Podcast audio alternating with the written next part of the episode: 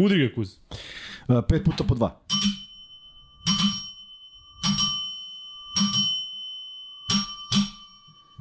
Dobrodošli u 121. izdanje, jubilarno sa Lukom i Kuzmom. E, samo neki jubilej. Ali slušaj, zašto je ovo posebno? Zašto je ovo posebno Ajde. izdanje? Zašto imamo mnogo dobrih vesti i lepih informacija. Naravno, Zvezda je pobedila, odigrala najbolju utakmicu svih vremena. Čekaj, evo mi ga palac. Prva vest. Prva vest. Druga vest, da igra Howard za Baskoniju. Opa! Da, da, tako da radosni navijači Partizana. Treća vest, sutra idemo u ovu da se sa našim drugarima i partnerima iz Joga dogovaramo i uskoro će biti aktualan i shop, Luka i Kuzma shop, na u okviru Infinity Lighthouse shopa i ono sa či- čime ćemo početi, a to će Kuzma sada preuzeti. Dakle, momak za koga ste donirali i za koga smo skupili novac je operisan uspešno nekoliko dana ranije pre onog termina, uletao je jedan slobodan termin. Kuzma će nam sada reći i više o tome, Evo. ali to je zajednička pobeda svih nas, Da, tako da i- čestitam vam na tome. Izuzetno nam je drago i ponosni smo što smo okupili ljude koji su to prepoznali. I ovaj, e, ja danas šaljem da ćemo uplatiti jer se skupilo sav novac je oslobođen da vas ne maltretiram time. I kaže, Nikola Jovanović koji nas je spojio sa Draganom, rekao je i uopšte nam rekao za tu akciju, kaže ovako, momci, upravo mi se Dragan javio. U ponedeljak su uspešno operisali Uroša. Bilo je iznenada, oslobodio se jedan termin i sve je prošlo kako treba. Pazite sad ovo. Uroš je već stao na noge. Sa 63% smanjili su skoliozu na 17. Tako da je Uroš porastao za 5 cm. Neverovatno. Prava momčina, eto jedne divne vesti da se započne sledeći podcast koji je večeras i mnogo nam je drago. E, Luka i ja smo imali sastanak danas i onda smo zajedno otišli u banku i uplatili taj novac.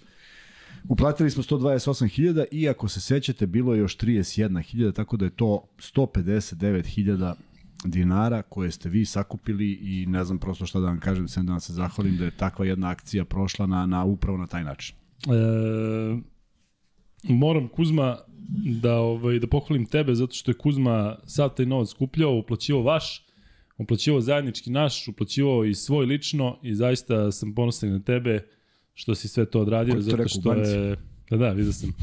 Ali ne, sad nas bini dajem na, onako primer, recimo vi svi koji ste uplaćivali ovde, taj novac tek treba da se dobije, a uh, taj novac koji uplatite 5 evra, 10 evra, 50, koliko recimo dala Mina, taj novac to se istali, dok dođe do nas, istali se Porezi, ma svako. kurs. A Kuzma je dakle uzimao taj novac u originalu, odnosno te- te cifre i zaista ovaj e, zaista jedna fantastična stvar. Drago mi je što smo svi zajedno bili u tome. I biće prilike da se i taj dečko javi kada, kada se oporavi ili njegov otac, pa će vam se i on zahvaliti. Pregovaramo o tome, jel tako? Da, tako i, da, da, stigla je poruka. pričamo o tome, da. Stigla je poruka, oni su se videli na poslu i Nikola je sišao do njega. I kaže, rekao je šta smo predložili. Mi smo predložili da Uroš dođe u nekom momentu, jednog dana, kada mu bude odgovaralo. Nikola se vidio statom, tako? Nikola se vidio status Da, sa da, da. Draganom, da. I mi smo predložili da Uroš dođe, jer on je bio u čudu za novac, ali ovaj, prosto ovaj, e, to, je, to je bila naša obaveza. I kaže, čoveče, ja sam to hteo da predložim. Sad ga citirao da sam je, re, samo je rekao da to sigurno neće moći u narednih mesec dana, možda čak i dva, ali čim bude u stanju, to ćemo da urodimo tako da, eto, da znate kako se stvari odvijaju, jer je nekom, nekoliko ljudi je poslalo poruku i, ovaj, i ja sam, ja sam eto želeo da, ne znajući da je operacija izvršena, zaista nisam znao, ali bitno je da je sav novac koji je skupljen otišao na pravo mesto. Kuzma je legenda, piše ovo, piše ovde, jeste Kuzma je stvarno legenda, tako da Kome Kuzma... Pričate? O kome pričate? E, o Kuzmi i Kajlu. Si još kakav koš dao sinoć. Pa da, Jutros. ja, ja isto mislim njega. E, Kuzma, sve ove vesti, sve lepe informacije, tako da smo dobro raspoloženi, ali Kuzma, Lako ti si došao iz... da, to je to. Ali ti si došao iz uh, jedne fantastične atmosfere, Jest. posle jedne fantastične utakmice. Jest. Znam da si odgledao, odigrao mnogo utakmica, ali rekao bih da je ovo posebno. Ajde za početak reci nam kako je to izgledalo u, u, u nekoliko rečenica, pa ćemo onda zaista ovaj meč i ono što se dešavalo pre meča zajedno sa vama da Hoćeš da, da ne krenemo od toga, nego samo o meču da kažem nešto. Ne, Ajde, ajde, rekao si ovo pre meča, pa ne, hoćeš da, da idemo nekim, znam da si teo napraviš uvod. Ne, samo Sašu. prvo, samo nam prvo daj, daj reci nam kako je bilo. E, fenomenalno. Fenomenalno zato što je atmosfera bila, ne ono, ja nisam čovjek koji sad tu nešto navijači, pa koreografija, pa ovo, ono, pa ja sad padnem u nesvest, nego ono što je, što je cela poenta toga, što se dešava u Beogradu i igračima Partizana i igračima Zvezde, je taj osjećaj njihovih navijača da gledaju ljude koji se bore. Koji daju sve od sebe kad god mogu, koliko god mogu. I takav naboj imala utakmica kad su oni izašli na teren. Dakle, ti znaš da uvek postoji neka, neka grupa ljudi ili neko ko nije zadovoljan. Ne, delovalo mi je kao da su svi uvereni da je uh, Zvezda, da su igrači Zvezde uradili sve protiv uh, Reala, apsolutno sve što su mogli, da jednostavno nije moglo da se pobedi.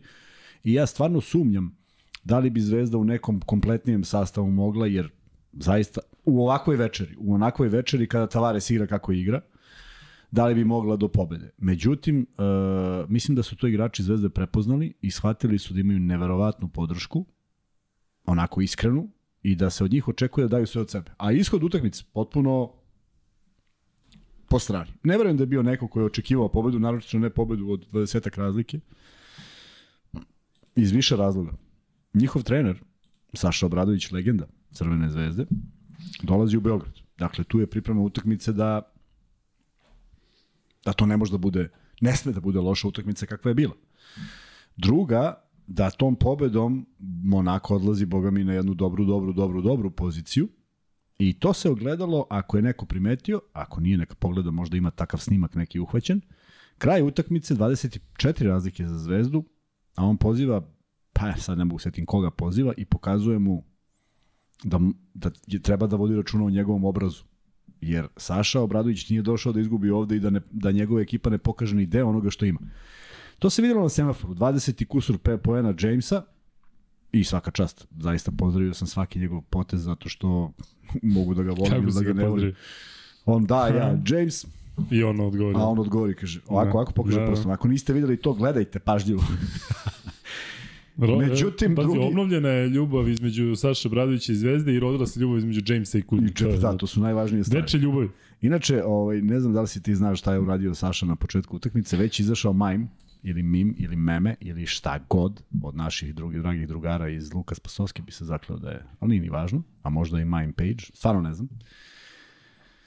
Sale koji ljubi grb i piše Kuzma na Saletu, da, a Juba da. Liga piše na, na, na grbu Zvezde. Tako da eto, mnogo duhovitih ljudi oko nas i ovaj i zaista jedno divno veče za i, i divno veče u kojem pričaš o nečemu što ja zaista, zaista želim da verujem da znam nešto o košarci i, i dešava se na terenu što se, to što se dešava. I onda ide samo, hoću još jednu stvar, pa ćemo sve to da ponovo ovaj, rekapitul, rekapituliramo izjava Ivanovića koji kaže Petrušev nije igrao dobro. I sada... Uzu si mi prvi free bet je. Šta radi ovaj čovjek neverovatno upravo? U, znači, teo, treba, Dra, prvi Vanja, free bet je trebalo da bude da, vraći, vraći, ili svi zaboravite. Prvi free bet će biti o ne. Prodigy, nemam Prodigy. Ali neverovatno, kažem ti, zamisli free bet za koga je Duško Ivanović rekao da loše da. igra. Fenomenalna izjava na konferenciji za štampu i sada to je ono što sam, što sam ja voleo voleo sam da mi ukažeš na nešto što nije valjalo. Šta nije valjalo? Nije valjalo što je o Avataru ili već neko bio mnogo puta na trojici. Šta je, o kome? O Avataru. O Avataru. Avataru. Zvaćemo ga Avatar. Kako zove? U Atara. U Atara. Da. Slabo, slabo sam sa imenima, valjda ste to shvatili kroz ovih 120 podcasta. Ono iz, iz 96. pamtim savršeno. Uh, Bilo je mnogo skokova. Zvezda je nadskakan. Nije Zvezda kontrolisala reket, nisu realizovani, što je vrlo bitno, ali naravno može da kaže da nije bilo dobro napadački, pa sad bih rekao savršeno, ali sigurno je to bilo prostu, propusta i vrlo bitna stvar, možda i pedagoški. Nije bilo dobro jer mora bolje, zato što opet se vraćamo na onu preistorijsku, old school, trenersku foru, ja hoću tebe još više Ja hoću da se ne zadovoljiš ovim. Ja hoću da ne bude 21 poen, nego da bude 15 poena, ali da pokrpiš sve u odbrani. A to su neke stvari koje ovaj, stvaraju dobre igrače i tako igrači rastu i ja zaista verujem da je to ideja Ivanovića, a ne da on sad kaže da Petrušev nije dobro odigrao, da bi nije ni jednom Ivanović bio u centru pažnje, ti to hoće, jednostavno ovo je dobra, dobra, dobra prilika da kažeš da nešto ne valja i u pobedi. I to u ubedljivoj pobedi. I to u nekim, kad posmatraš igru Petruševa, spektakularnim potezima prema tome. To je samo zahtev od igrača koji može još. Da, to je rekao Ivanović za igrača utakmice, dakle Tako je, tako je. Reč tako je. E, to, to, to je nešto što što sam stvarno, što stvarno poštujem i volim zato što i u najboljim momentima. Jeste. Znaš, imao sam imao sam aj sad da ne poredim sa ovim bilo čim, ali uh, uh, moja moja iskustva sa teto tim Mutom Nikolićem, Darkom Rusom. A uh, desi se da odigraš utakmicu kao što sam imao nekoliko utakmica i naravno protiv Partizana. To je bilo onako i dam 28 pojena. I pogledam svoju statistiku i, na primjer, u svemu tome nema asistencije. Logično, kad si šutno određeni broj puta, ne možda imaš i asistencije. I meni nekako bez veze. Jer ja volim da zabeležim sve. E, to je ono što posle trener traži od tebe, da ti zabeležiš sve, a, a kako ide šut? Ako ide i ovo sve uradiš, fenomenalno. Tako da, Petrušev sigurno ima još prostora, koliko god to glupo zvučalo, na ovoj utakmici gde on igrač utakmice, ali ima prostora koji hoće iz njega da isprovocira jedan trener koji očigledno zna šta radi.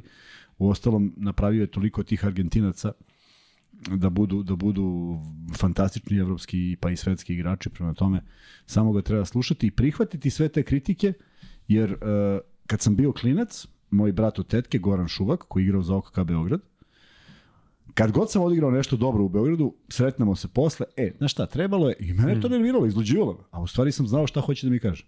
Hoće mi kaže da obratim pažnju na propuste, da, da. kojih, kojih uvek ima. Prema tome... Kad je to i dobre nameri, dakle, ja sam siguran da, da, da to da, i Petruševu da. znači. Dakle, neće on sada da, i kući i kaže, to. Tako dakle, da... njemu da je rekao, bravo sine, pokido si, On je srećan, sve u redu, Nego... ali on će igrati na tom nivou. Međutim, kad ti dođe neko i kaže, sine, nije valjalo to, to, to i to, i ti si sada... Možeš još bolje. Tako, i ti sad kažeš, ma daj, šta ovaj priča, onda sedneš, e sad to je ono što sam pričao, treba da imaš to. Sedneš i kažeš, da, stvarno, što sam ispao u odbrani tada i tada ili što sam uradio ovo. Prema tome, divno veče za, za Zvezdu, vrlo bitna pobeda, e, jedna od dve se tražila, zaista jedna od dve. Dve od dve je bilo, kako bih rekao, da je Zvezda ispucala sve što po, može protiv Reala i pobedila, ovo bi bila potpuno drugačija utakmica, ovako i Zvezdini igrači, pa i Vildosa i svi su shvatili da je ovo moment kada treba rizikovati neke stvari. E, Zvezda imala ako mogu tako da kažem, fenomenalnih 13 izgubljenih lopti, jer se sećam pet Vildozinih. Znači, ostatak ekipe ima osam, što, je, što se ne dešava često. Kontrola utakmice, celu utakmicu i zaista jedna utakmica onako, ako mogu negde, ako sam pričao da je Barcelona bila najspektakularnija koju sam gledao, ovo je jedna najsigurnija utakmica Zvezde, gde ni u jednom trenutku nisi imao onaj osjećaj da nešto može da krene po zlu ili da će nekom prepustiti uh, voćstvo. Pritom, Vildosa i Nedović ako imaš statistiku, pogledaj. Dobro. 18 i 16. 18 i 16. Dakle, da, da. dakle, vraćamo se na to šta je uradio Stefan Marković. I ja mislim da završavam ovde priču sa Stefanom Markovićem. Tek ćeš da pričaš kad dođemo do njega. Neću, neću, to ću da spomenem. Ću ja. To ću da spomenem u superlativu, a ne u nečemu negativnom, jer me to izluđuje. O Stefanu Markoviću, o Laziću i Lazareviću. I mislim da svi navijači koji vole košarku treba da zaborave. Imaće, imaće loše dane, imaće, imaće utakmice bez učinka. Ali ako će neko da mi kaže da su poeni, prvih šest poena onih ljudi na kojima je bio Lazarević, bili laki poeni, e, taj se prevario, pošto je to ozbiljna muka da to uđe u koš. I to treba poštovati, a da ne govorim to njegovo samopouzdanje kad, kad je uzao onu trojku, ajde da kažemo ničim izazvano, niko nije tu sad očekivao da on baš uzima. Uzeo je muški, dao i, i proslavio to na svoj način. Kuzma, da se vratimo na početak, odnosno da odemo na nešto pre početka, to je nešto što moramo da pričamo. Prvo da se izvinim vama, zato što zaista ovde ima mnogo lepih komentara, mnogo šala, mnogo dobrih pitanja, međutim priča Kuzma i na, jednostavno ne bih da ga prekidamo, vidite koliko brzo ide. A ja inače ne volim da pričam. Tako je. E, Kuzma, taj e, moment kada je Saša Bradović on uradio, mislim da svi ovde koji su na, u live-u da su videli, dakle, to je neka najčistija moguća emocija. E, Vi ste, ti si fizički to video, tako? Niste bili okrenuti, okrenuti nis, toj situaciji? Nisam. E, prvo, Saša je prošao i mislim da ću uhvatiti kontakt očima pored nas, pošto prolazi. Međutim, ni, nisam uspeo. Ne, ne zato što sam ja sad očekivao nešto ili on sad treba zeva levo desno, nego sam hteo čisto onako neki gest podrške. Zato što sam u samom studiju rekao da treba da malo ovaj, vratimo, vratimo priču i da shvatimo kome je tu u celoj priči apsolutno bilo najteže. I to je Saša Obradović. Dakle, da li je pogodio sa igračima, da li je odnos bio, moramo da shvatimo. Covid godina, nema navijača, sve je naopako, rezultati ne idu kako se njemu... Kao, kao Jasikevičius u Barceloni. On, on želi više možda nego bilo ko. E tako je Saša Obradović, to sam ubeđen, želeo više nego bilo ko da on klub u kojem je igrao, klub za koji je navijao, verovatno kad je postao trener negde, znaš, ono ti postaješ trener nečega tamo i pomisliš u što bi jednog dana bilo lepo da budem trener Zvezde. Prosto to su dečački snovi koji traju i kad nisi više dečak. I, i, i ušao je, ušao je, videli su ga pojedini ljudi, počeli su aplauzi, a onda su počeli i sporadični zvižduci. Međutim, on kako prilazi sredini terena, on kreće i pozdravlja se sa svima u stručnom štabu Zvezde koji je tad bio na klupi. Možda nekoga zna više, nekoga manje, potpuno sve jedno. I kreće odjednom da, se, da svi ustaju. Izgledalo je zaista spektakularno. Da, se i vraća to na svoje na, mesto. nadječali su ove što zvižde, kojih je možda tako bilo, nije I bilo samo više od I 5 samo ili su se 10%. učutali. Samo su se učutali, Da, da. jer su videli reakciju onog dela koji je najbučniji. Saša je došao i kad je krenulo aplauz i aplauz i Obradović Saša, on stvarno mislim da mu nije bilo lako, da se razumemo. Dakle, jer ti prođe kroz glavu, čoveče, ja sam hteo da ovde postavim, da, da ja sa ovo što radim sam onako, hteo sam da radim sa zvezdom. I ovaj i onaj gest je potpuno potpuno neverovatan, neki su se neki su zaplakali ovaj okolo i neki pričaju da je to naj, pričaju da je najemotivniji momenat, a on je istresao sve iz sebe, lupio je u, u pod, poljubio grb, a onda je verovatno opsovao kad je uradio da se malo Ne, ali izgledalo je kao idemo, pa znaš, Pa ne znam, kao, ne znam ko, te- ne znam idemo, gde, gde idemo, sad da, smo došli. Da, da, ali bukvalno kao ajmo. Pa, Znaš, verovatno sebi da raščisti jest, sada sve jest, to što jest. ga da što ga stavi je možda pogodio. tačku na tu Tako je, epizodu tako je, koja je tako bila je. za njega definitivno najteža. Tako je. I naravno- Reći ti izveni jednu Aha. stvar, dakle, e, e, imao sam tu priliku da kada je igrao prošli put sa e, Monakom u, u Pioniru, kada je preokrenula ono Zvezda posle Covida, sećaš se, Da. posle Covida, kada je Zvezdina ekipa imala Covid, imao sam stvarno tu priliku da se prvo pozdravi sa mnom.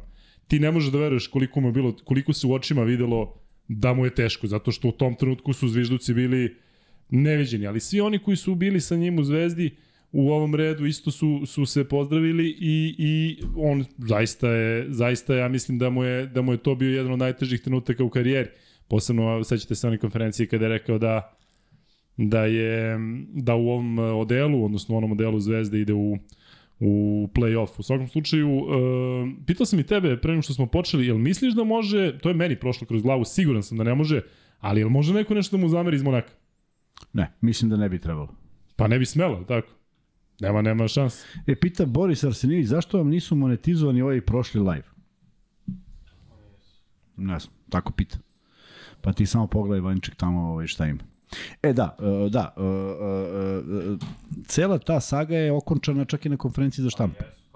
Ne, ne, pa dobro, nešto je pitao, pa nešto... Ne, bilo je nešto, znaš da i kad na nama zezalo s onim brojkama, pa je tu nešto bio Nema neki veze. bug, pa se Ne, to sve vratilo. Da, Vanja to kontroliše i uopšte ne sumnjamo da je to tako i uvek su isti isti parametri. Ono što je ono što je Saša u nekoj svojoj spontanosti izjavio, rekao je pa me nikome nije ništa nikad ni pitao. I moguće da onda stvarno nije dao neku izjavu da se neko zainteresovao za to. Objasnio šta je objasnio i tu treba staviti tačku i ne treba uopšte praviti. Zato što je put trenera vrlo specifičan. Jel stvarno misliš da ne postoji više šanse da Obradović dođe u zvezdu? Ja ne mislim da je nemoguće. Ja mislim da će sigurno doći u Ja zvezdu mislim da je pred njim tako, ja mislim da je pred njim karijera koja neće Tako. trajati godinu ili dve, nego će trajati. Ja mislim da bi on najponosniji bio da rezultate ostvari u svom matičnom klubu, koji je lepo izjavu dao na konferenciji za štampu, slušali smo, o, izjava glasi sve to što smo uradili, kaže znamo svaki stepenik ove dvorane, jer ja podsjećam ponovo, on je, on je bio taj koji trči uz, uz stepenike. Da, da, A onda da. Zoki Jovanović uđe i kaže ubiću ga majke mi jer ćemo raditi kondiciju. Kad, kad njega vide da može, onda će svi da rade kondiciju. Ali čuo si da je rekao na konferenciji da je pomenjen ovo stepenice. Pa stepenik, zato kažem. Da, da. On kaže znamo svaki stepenik ovde, pa se ja setim da sam ga ja svojim očima gledao kako trči gore dole. I le, dao jednu lepu izjavu i kaže i ta, tih godina je učinjeno toliko da Zvezda sad bude ovde da jeste. I ti kad pogledaš to tako funkcioniše kroz istoriju. Dakle, svi oni što su 40-ih do 50-ih pravili, nešto su pravili. Nisu pravili nešto što, su, što nestaje kad oni prestanu da igraju. Tako da Zvezda jeste na temelj, temeljima tih nekih stvari možda pa sad ću reći na moju veliku žalost zato što Zvezda je osvojila dve titule treća je bila 97-98 u, u tim godinama osvojiti titulu je bilo za nijansu lakše jer je 91. posljednja titula Jugoplastike pa su otišli i hrvatski klubovi Liga je sužena ali imao si jedan izuzetan partizan pa si onda krajem veka imao i jednu izuzetnu budućnost prema tome E, ostvareno je dosta u tom periodu i on je ponosan na svoje učešće i zaista time želim da uopšte završimo priču o Saši Obradoviću kao nekom negativcu, jer u poslu imaš posao i imaš emocije. Ne, ne, treba, ne treba ta dva da, da, da brkamo. A naročito ne treba da brkamo nešto što je on dao izjavu i kaže, ali mene niko ništa nije pitao. Znači, postoji ozbiljna rezerva prema svemu, Pa ne Ako- znamo, pritom ne znamo Pa celu naravno, priču. pa ne znamo, on je rekao, pa niko naravno. nije čuo šta sam ja, Pa, e vidiš, tu, moj deo priče. Da, e tu vraćam, tu vraćam, tu vraćam ovaj, na, na prokazanog, na, ni krivog ni dužnog Igora Kokoškova, a, gde mu niko nije stao u zaštitu onih, onih dana kada su kada je taj predolimpijski turnir bio i kad je on imao tri igrača na treningu. Ja to pouzdano znam i znam da nije izmišljotina. Dobro, rekao nam je ovde, Milo je rekao i Upravo to. Grajković. Ali možda neko nije gledao, pa sad konstatujemo ponovo isto. Niko nije stao u zaštitu. I onda je bilo, ma ovo ne može, ma ovo. A ono se nije znalo ko je, povređen, ko je povređeniji i ko uopšte trenira i da li ima ko da trenira. Prema tome, ajde da, da ovaj, samo samo vratimo film i kažemo Saša Obradović je član reprezentacije, osvajač duple, duple ne dup, da, dup, dve titule sa Crvenom zvezdom i čovek koji je reprezentaciji donosio upravo ono što su danas doneli Lazić, Marković, e, Lazarević, pa i svi ostali, ali oni posebno, jer je Saša bio igrač zadatka koji je mogao da pogodi kad treba, a čuvao je uvek e, najteže igrače. On i Lončar su bili ti koji su tih godina u reprezentaciji bili zaduženi za najteže zadatke defanzivne, prema tome mislim da je ovim gestom nije želeo nikoga da kupi, jednostavno zaista mislim da se on tako osjećao. Da, sigurno nije planirano. Ma ja, dakle, ma to ja, nema nije znao, prosto da. ja mislim da on teo da eksplodira, mu glava Da, eksplodira da, od da. svega. Matija Milović donira opet, Matija, hvala ti puno. E, Kuzma, da pređemo na samu utakmicu, hoću prvo da ovde... E, Prvo ćeš da, Malo kat, da prođem. neki.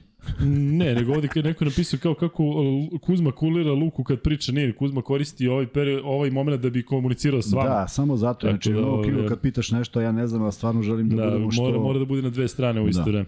E, evo malo statistike Zvezde, dakle, kao ekipe, da. zato što to ne radimo često, uglavnom idemo pojedinačnu statistiku igrača, ali e, ovo zaista je nešto što se ne pamti i mislim da je teško pronaći utakmicu koja je Zvezda bolje odigrala protiv ekipe koja važi za jednu od najjačih u Evropi i na vrhu je, na samom vrhu je tabele. 20 od 27 za 2, prosto neverovatno, do 75%. 15 od 32 za 3, 15 trojki dati, to je malo manje od 50%, međutim ogroman uzorak. Samo 7 o, penala od 9, ne mislim samo da je Zvezda dala da je loš procenat, nego je Zvezda imala na ovakvom meču samo 9 postignutih tako je. e, koševa sa bacanja na 92 poena. 29 skokova i 28 asistencija. 28 asistencije. To je u stvari glavna stvar. E, i aj sada da vratimo ono što stalno volim da pričam. Koliko lepše izgleda takva igra? Koliko je to lepo izgledalo? Ona Vildosina asistencija je za neke udžbenike. Dakle, on je ispalio tu loptu levom, Iz driblinga. Da. tačno u momentu kada čovek nije mogao ne da se okrene, nego nije mogao apsolutno da, da shvati odakle je ta lopta došla. E, imao je sličnu asistenciju i Marković tamo pred kraj. Ali zaista Zvezda je plesala večeras da je to bilo milina gledati. Ekipa poput Monaka nije bila ovako inferiorna zaista dugo. I evo Kuzma, ti ako možeš da se setiš neke, neke bolje partije Crvene zvezde. Ne, e, ne, ne, možda je bilo teško. utakmica sa, sa možda čak i boljom statistikom, ali protiv ovakvih klubova zaista teško. E, Ono što je meni čudno, to je da je Zvezda imala samo šest ukradenih lopti. Kada sam to video, delovalo je na, na ovakvoj energiji i na ovakvoj odbrani da će biti više ukradenih lopti. E, Pa znaš kako, nekada se, ti znaš da se u statistici ne stavi fal u napadu kao Da. ukradena lopta, tako da tu je bilo dosta nekih dobrih stvari, ali ovaj... e, Evo, Milan Brašanac kaže da, da veruj mi da su mi i sad suze u očima. Tako da ljudi su to doživjeli zaista emotivno sve to. Ali ovaj E da, i evo ga Aleksandar Lukić, kad smo već kod pitanja, pita zbog čega je Petruša dobio tehničku. To je bilo nešto još ono na početku utakmice kad mu je sviran onaj faul. I onda je on nešto u momentu, da, u, tako je. I onda je on nešto progovorio što ne, ne možemo da znamo, ali samo je neki banalan prigovor sudiji. Petrušev još nema taj rating i kredibilitet da mu neće. I onda ga, i onda ga dovodi Ivanović i objašnjava mu, pretpostavljam, sad je ovo sve pretpostavka, nemam baš neke informacije, ali šta bi, kako bih ja, kako bih ja reagovao i kako razmišljam. I objašnjavam mu, ja sam tu da vršim pritisak. I video si kad je Ivanović ušao zbog tog, eh, zbog one eh, ničije lopte. To je bila tehnička greška. On je nešto dobacio sudi kad je već dosuđeno. I on mora da zna, i to svi igrači moraju da znaju. Kada ti sudija sudi nešto u tvoju korist, pa prestaneš da pričaš istog sekunda, nemoj sad ti da mu objašnjavaš da je trebalo ranije, nego završena priča i tere. Tako da, ovaj, međutim, Zvezdu danas zaista ništa nije moglo da ovaj, poremeti. E, Kuzma, krenut ćemo od početka, proći ćemo malo meč, pa ćemo onda da pređemo na igrače. Ajde, može, naravno. E, prvu četvrtinu Zvezda je dobila 23-15, međutim, skandalozno suđenje na početku. U- uvlači u nervozu. Do četvrtog... Ne, ali ovaj Šemeš, Da, dakle, da, 4 ne minuta i da 20 li je- sekundi panika opšta kako će izgledati ali utakmica. pritom siguran sam, nadam se, da nije radio namerno. Ne. već da samo ne zna da sudi. I ne zna se šta je gore, da je došao i sad će svaku, svaku odluku protiv Zvezde, dakle ono je, ono je zaista skandal. I ono što sam ti ja napisao, Dakle, zamisli da je bila neizvesna završnica i da je Zvezdi falio neki ispucao, challenge. ispucao challenge, challenge zato što je... U petom minutu tako, ispred čoveka tako, izlazi lopta u aut. I Tako to je. nije prva greška, nije druga, to je treća greška Jest, u prvih nekoliko u prvih minuta. četiri minuta, Da. tako je. I to su neke stvari koje naravno vidi e, e, kod sudija doslednost i autoritet utišeće sve navijače. Ako ti nešto dosudiš i nema tu neke halabuke, ali to moraš da budeš, moraš da gledaš, pa zato si tu. Prvo je dosudio onaj faul, faul e, na šutu. De, Laza, de La, Marković shvata da treba napravi faul i to traje 3 sekunde pre toga. E to je ono što što onda zaboli zato što je stvarno i sva sreća došao ovaj kako god da se zove sudija, ja stvarno ne znam imena. Došao i kao iskusniji mu je skrenuo pažnju, gledam samo njih dvojicu u kadru, ne znam šta je bilo na TV-u i objašnjava i ovaj preinačuje odluku. I onda on Ali donosi Garcia zna da greši, ali opet je, ima i, Tako i ima, okay. ne, da, i on ima autoritet da, da je iznad njega Jeste. i da kaže šta treba i šta ne treba. Tako da je ispalo dobro, ispalo je dobro za zvezdu, ali unese nervozu.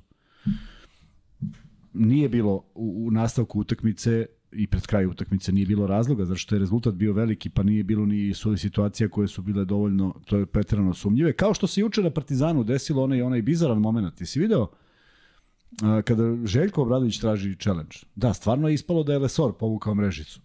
Ovaj, Jeste, da, ono na videlo se da, ono na kraju. Tako da ovaj pogledali su i pogledali smo svi, ali to su neke stvari gde sudija mora da bude autoritativan i da pokaže da zna šta radi i da stoji iza toga i tako dalje.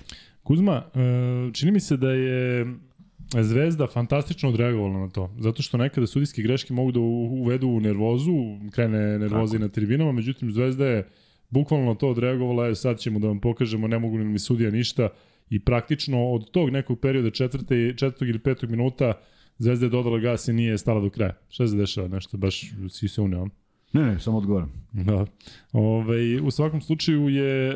Um, kasnije sudije čak nisu mogli ni da poremeti Nisu, Zvezdu, nisu, niti, da, da, da, niti, su- nisu. niti je moglo da utiče čak i da su nastavili da greše ali da je to na, na, na e, startu unelo nervozu i kod e, gledalaca, ne, neutralnih gledalaca, nekoga ko hoće Tako da gleda tako sada, tako je, da će to sada biti utakmica koja će da ode u nekom potpuno drugom Pa pravcu. evo, ja, ja jedva čekam, pravo ti kažem da se vratim kući i da pogledam, ne baš da jedva čekam, ali kad se vratim kući, da pogledam ovaj...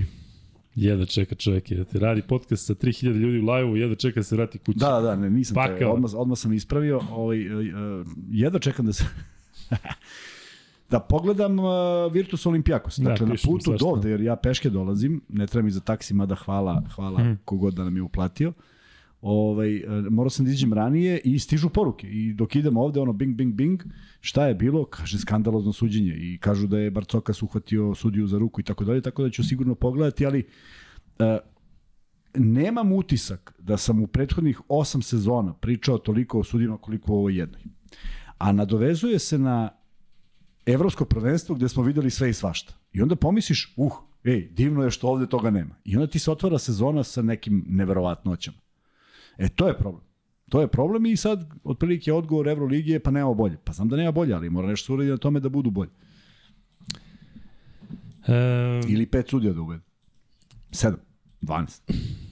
Svi trče. da, da, samo Juri. Više nego igrača.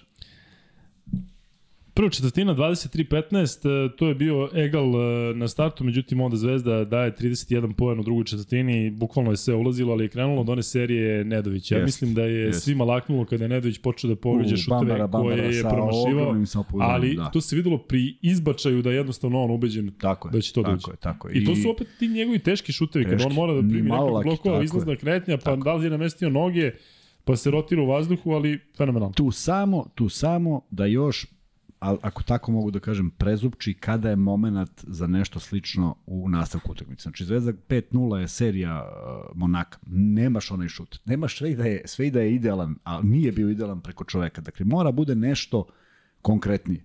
On kad je otišao na ulaz i naslonio se na čoveka i promašio, meni je to košarkaški potez. I tu si promašio, pa sledeći put iznudi faul i daj koš. Ali je to sve urađeno kako treba. Tako da, postoje košar, košarkaški i nekošarkaški momenti, e kad šutneš preko čoveka koji je skočio već u startu, onaj, i to najviše njihov igrač, onda to nije baš mnogo za pohvalu. I sigurno nećeš proći pored Ivanovića koji će kaže, bravo nastavi samo tako. Prema tome, samo tu da prezupči da shvati ozbiljnost nekog momenta, jer, jer tih 5-0, ako pređe u 7 ili 9, onda nastaje panika. I nije prešlo, što je vrlo važno. Jer Zvezda nije pala ispod 10-11 poena, što je, kako bi ti rekao, cela utakmica možeš ti da igraš na toj na toj razlici. Prema tome, samo malo tu da, da, ovaj, da neke stvari on pokuša da, da, da racionalizuje i da bude bolji u tome.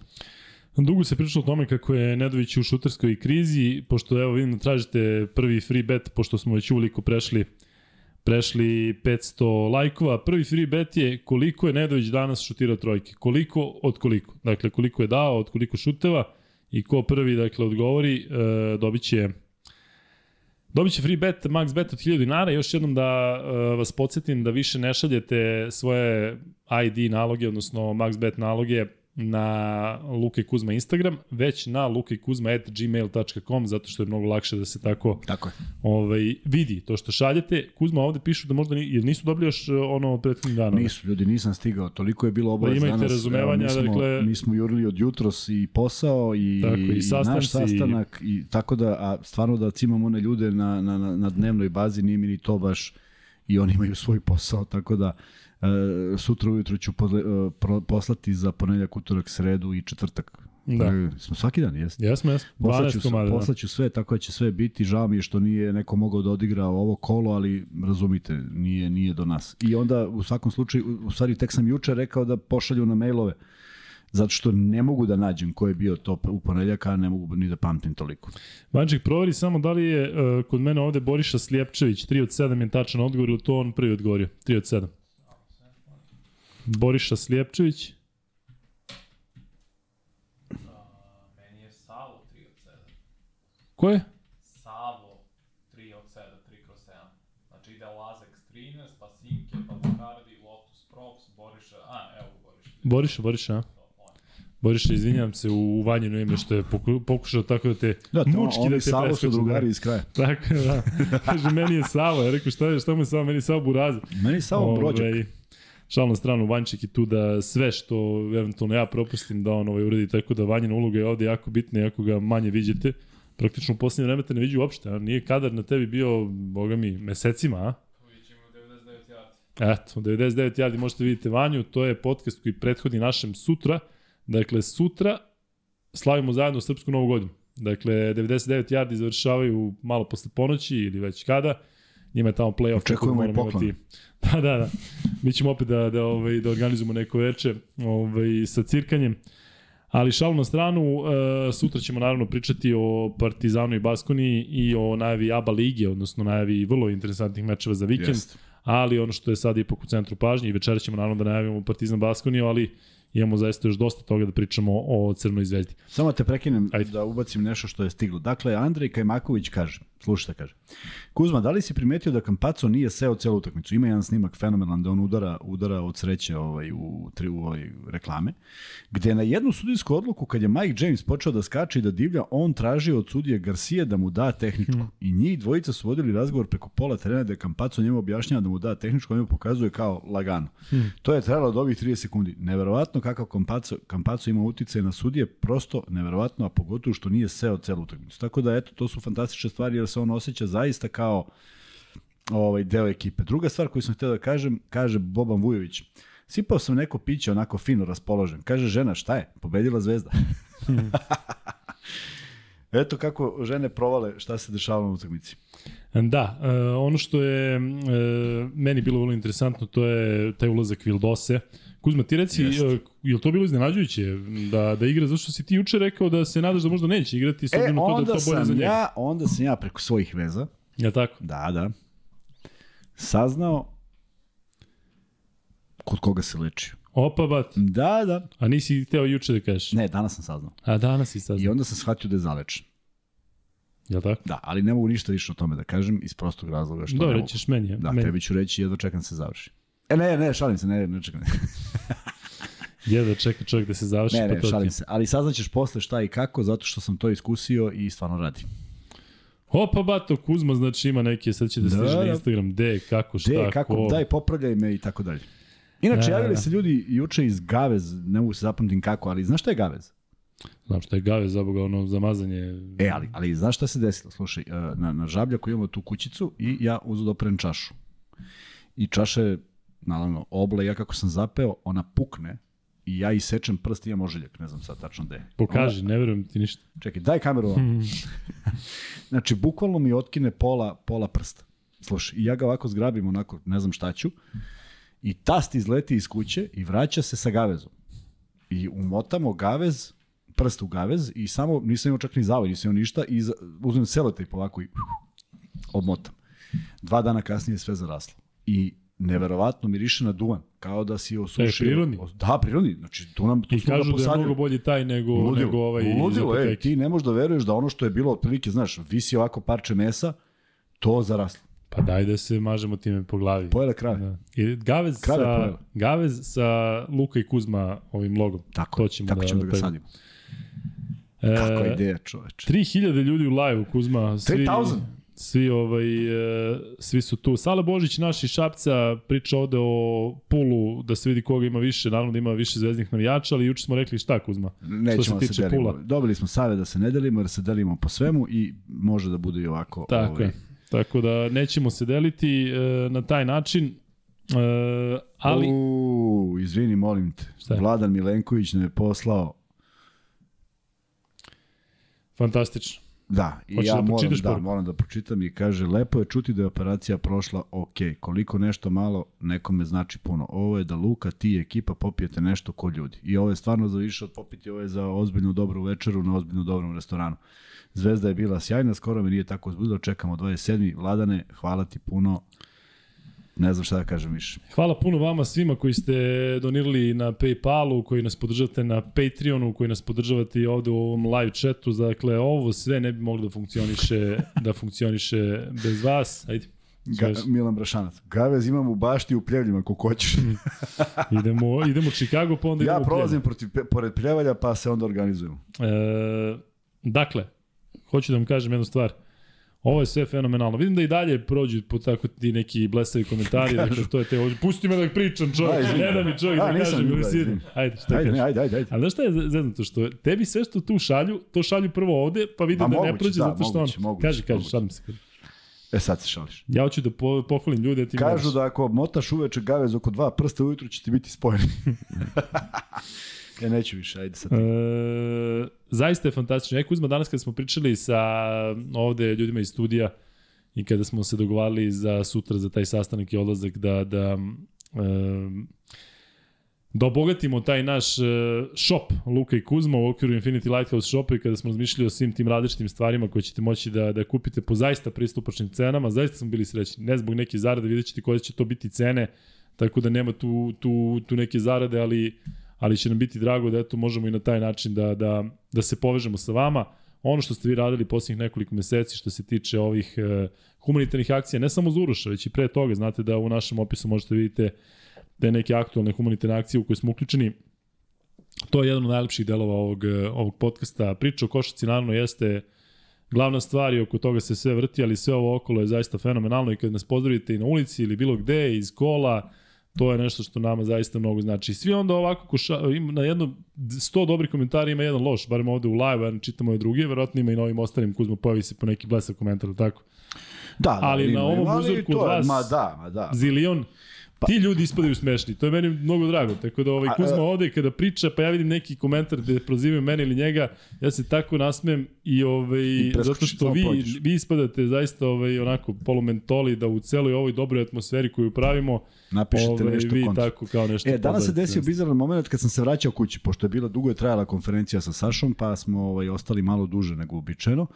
I sad razilazi se ona gungula, još uvijek je tu gužva u saobraćaju i otvara, otvara se prozor i kaže, samo da pozdravim, ja onako pogledam, kaže, najgore eh, komentatora u u, u zemlji, tako nešto, najgore. Ja kažem, može, hvala, naj, sve je okej.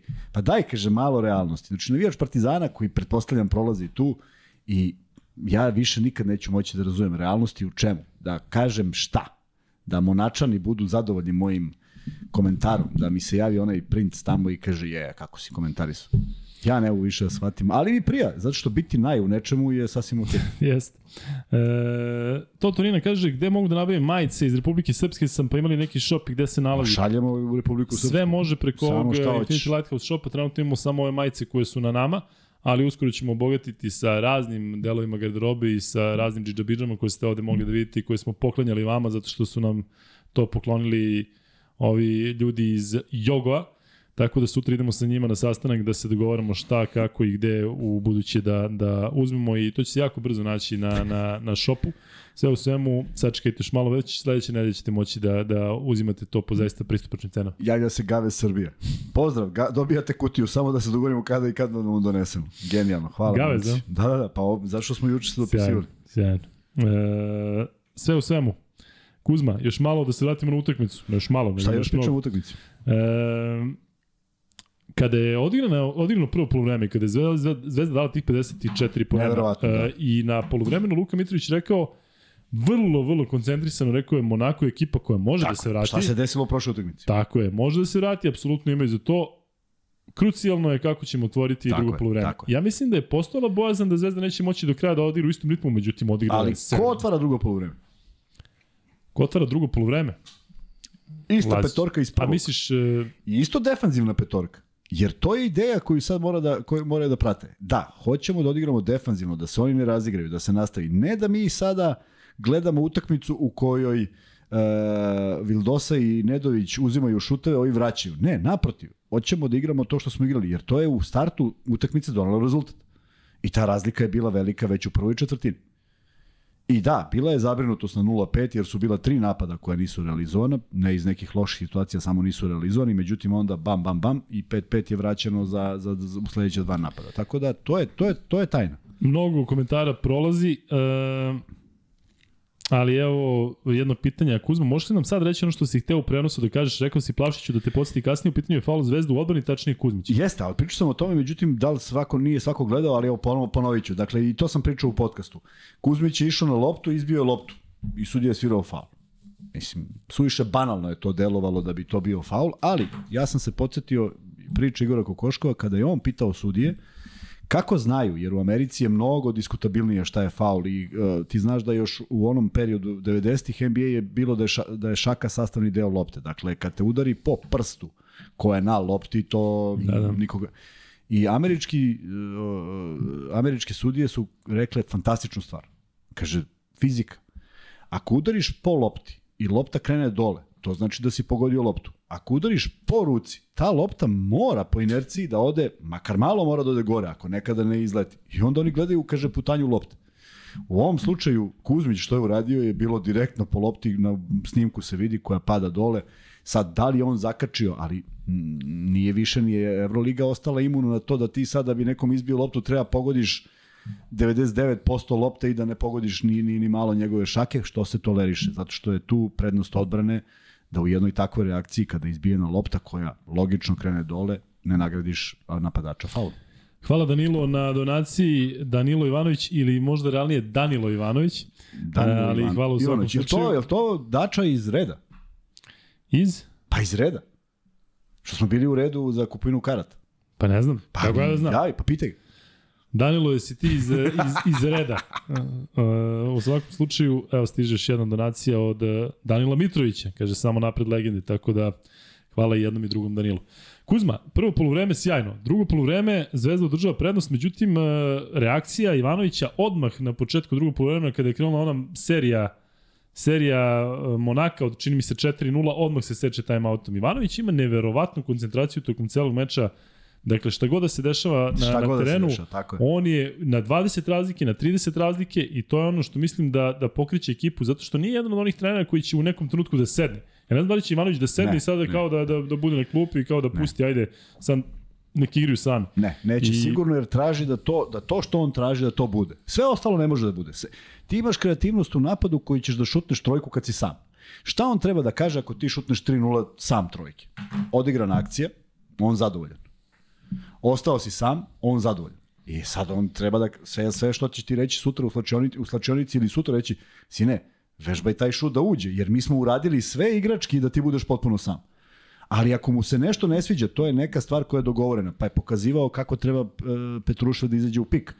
Dva puta su prošli baš na taj način da je on insistirao da on izađe.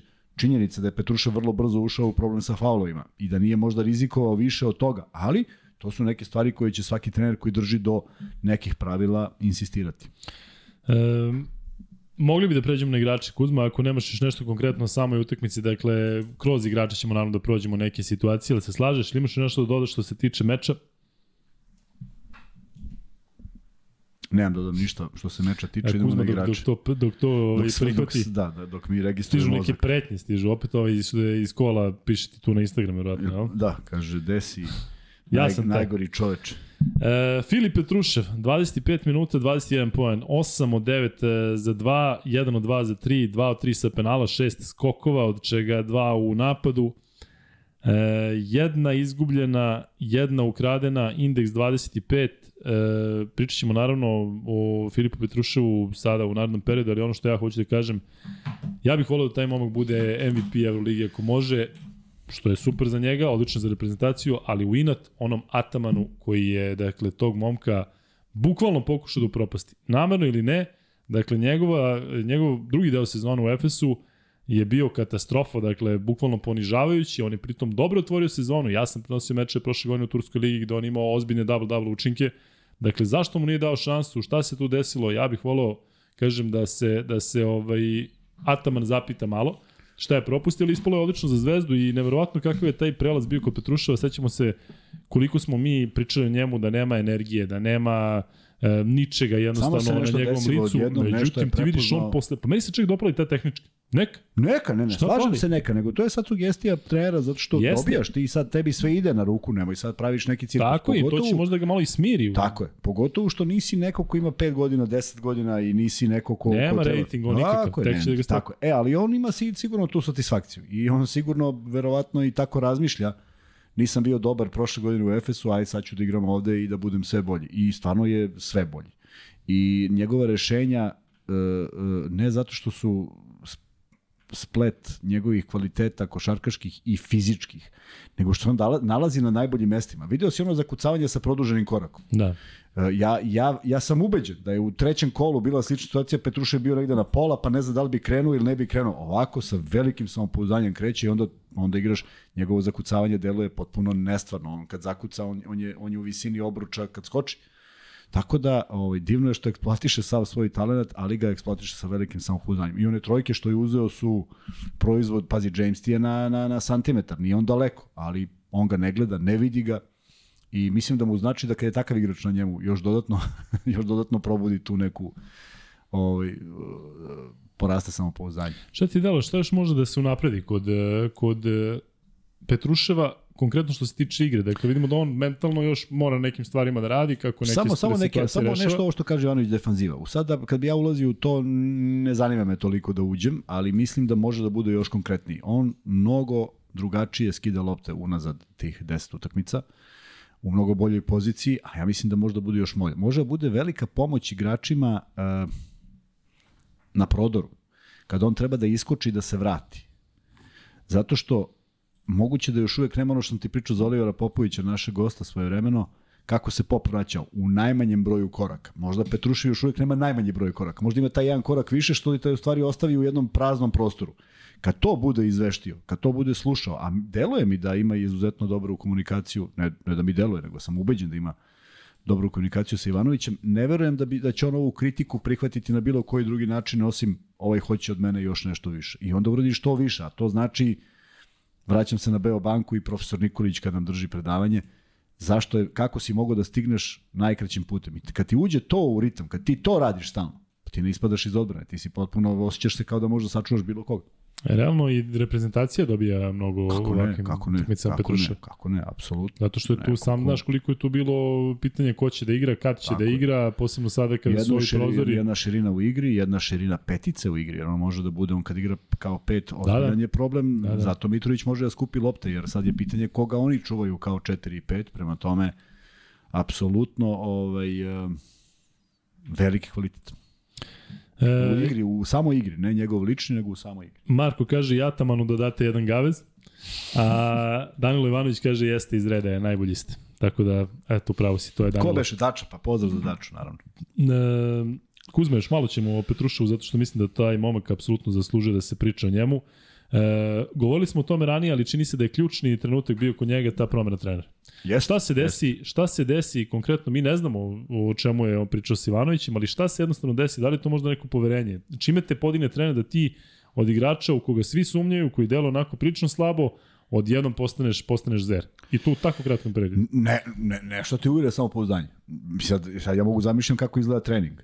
A on nešto radi na treningu, a on se ne svidi, kaže, "E, sad hoću da uradiš ovo. I on uradi i shvati da može. Samo shvati da može. I, uh, treneri koji su ti u tri rečenice sugerisali neke stvari koje ti probaš i oni rade. Ej, ti si kupljen za sva vremena. Kažem, zato sam voleo neke trenere jer su mi predviđali budućnost. U smislu, znao sam trenere koji mi nacrtaju narednih 10 sekundi. Ne radi to svako. Sa planom A, planom B, planom C, planom D, koliko god može da bude scenarij, on to napravi. Prema tome, mislim da je to bilo, da se to desilo.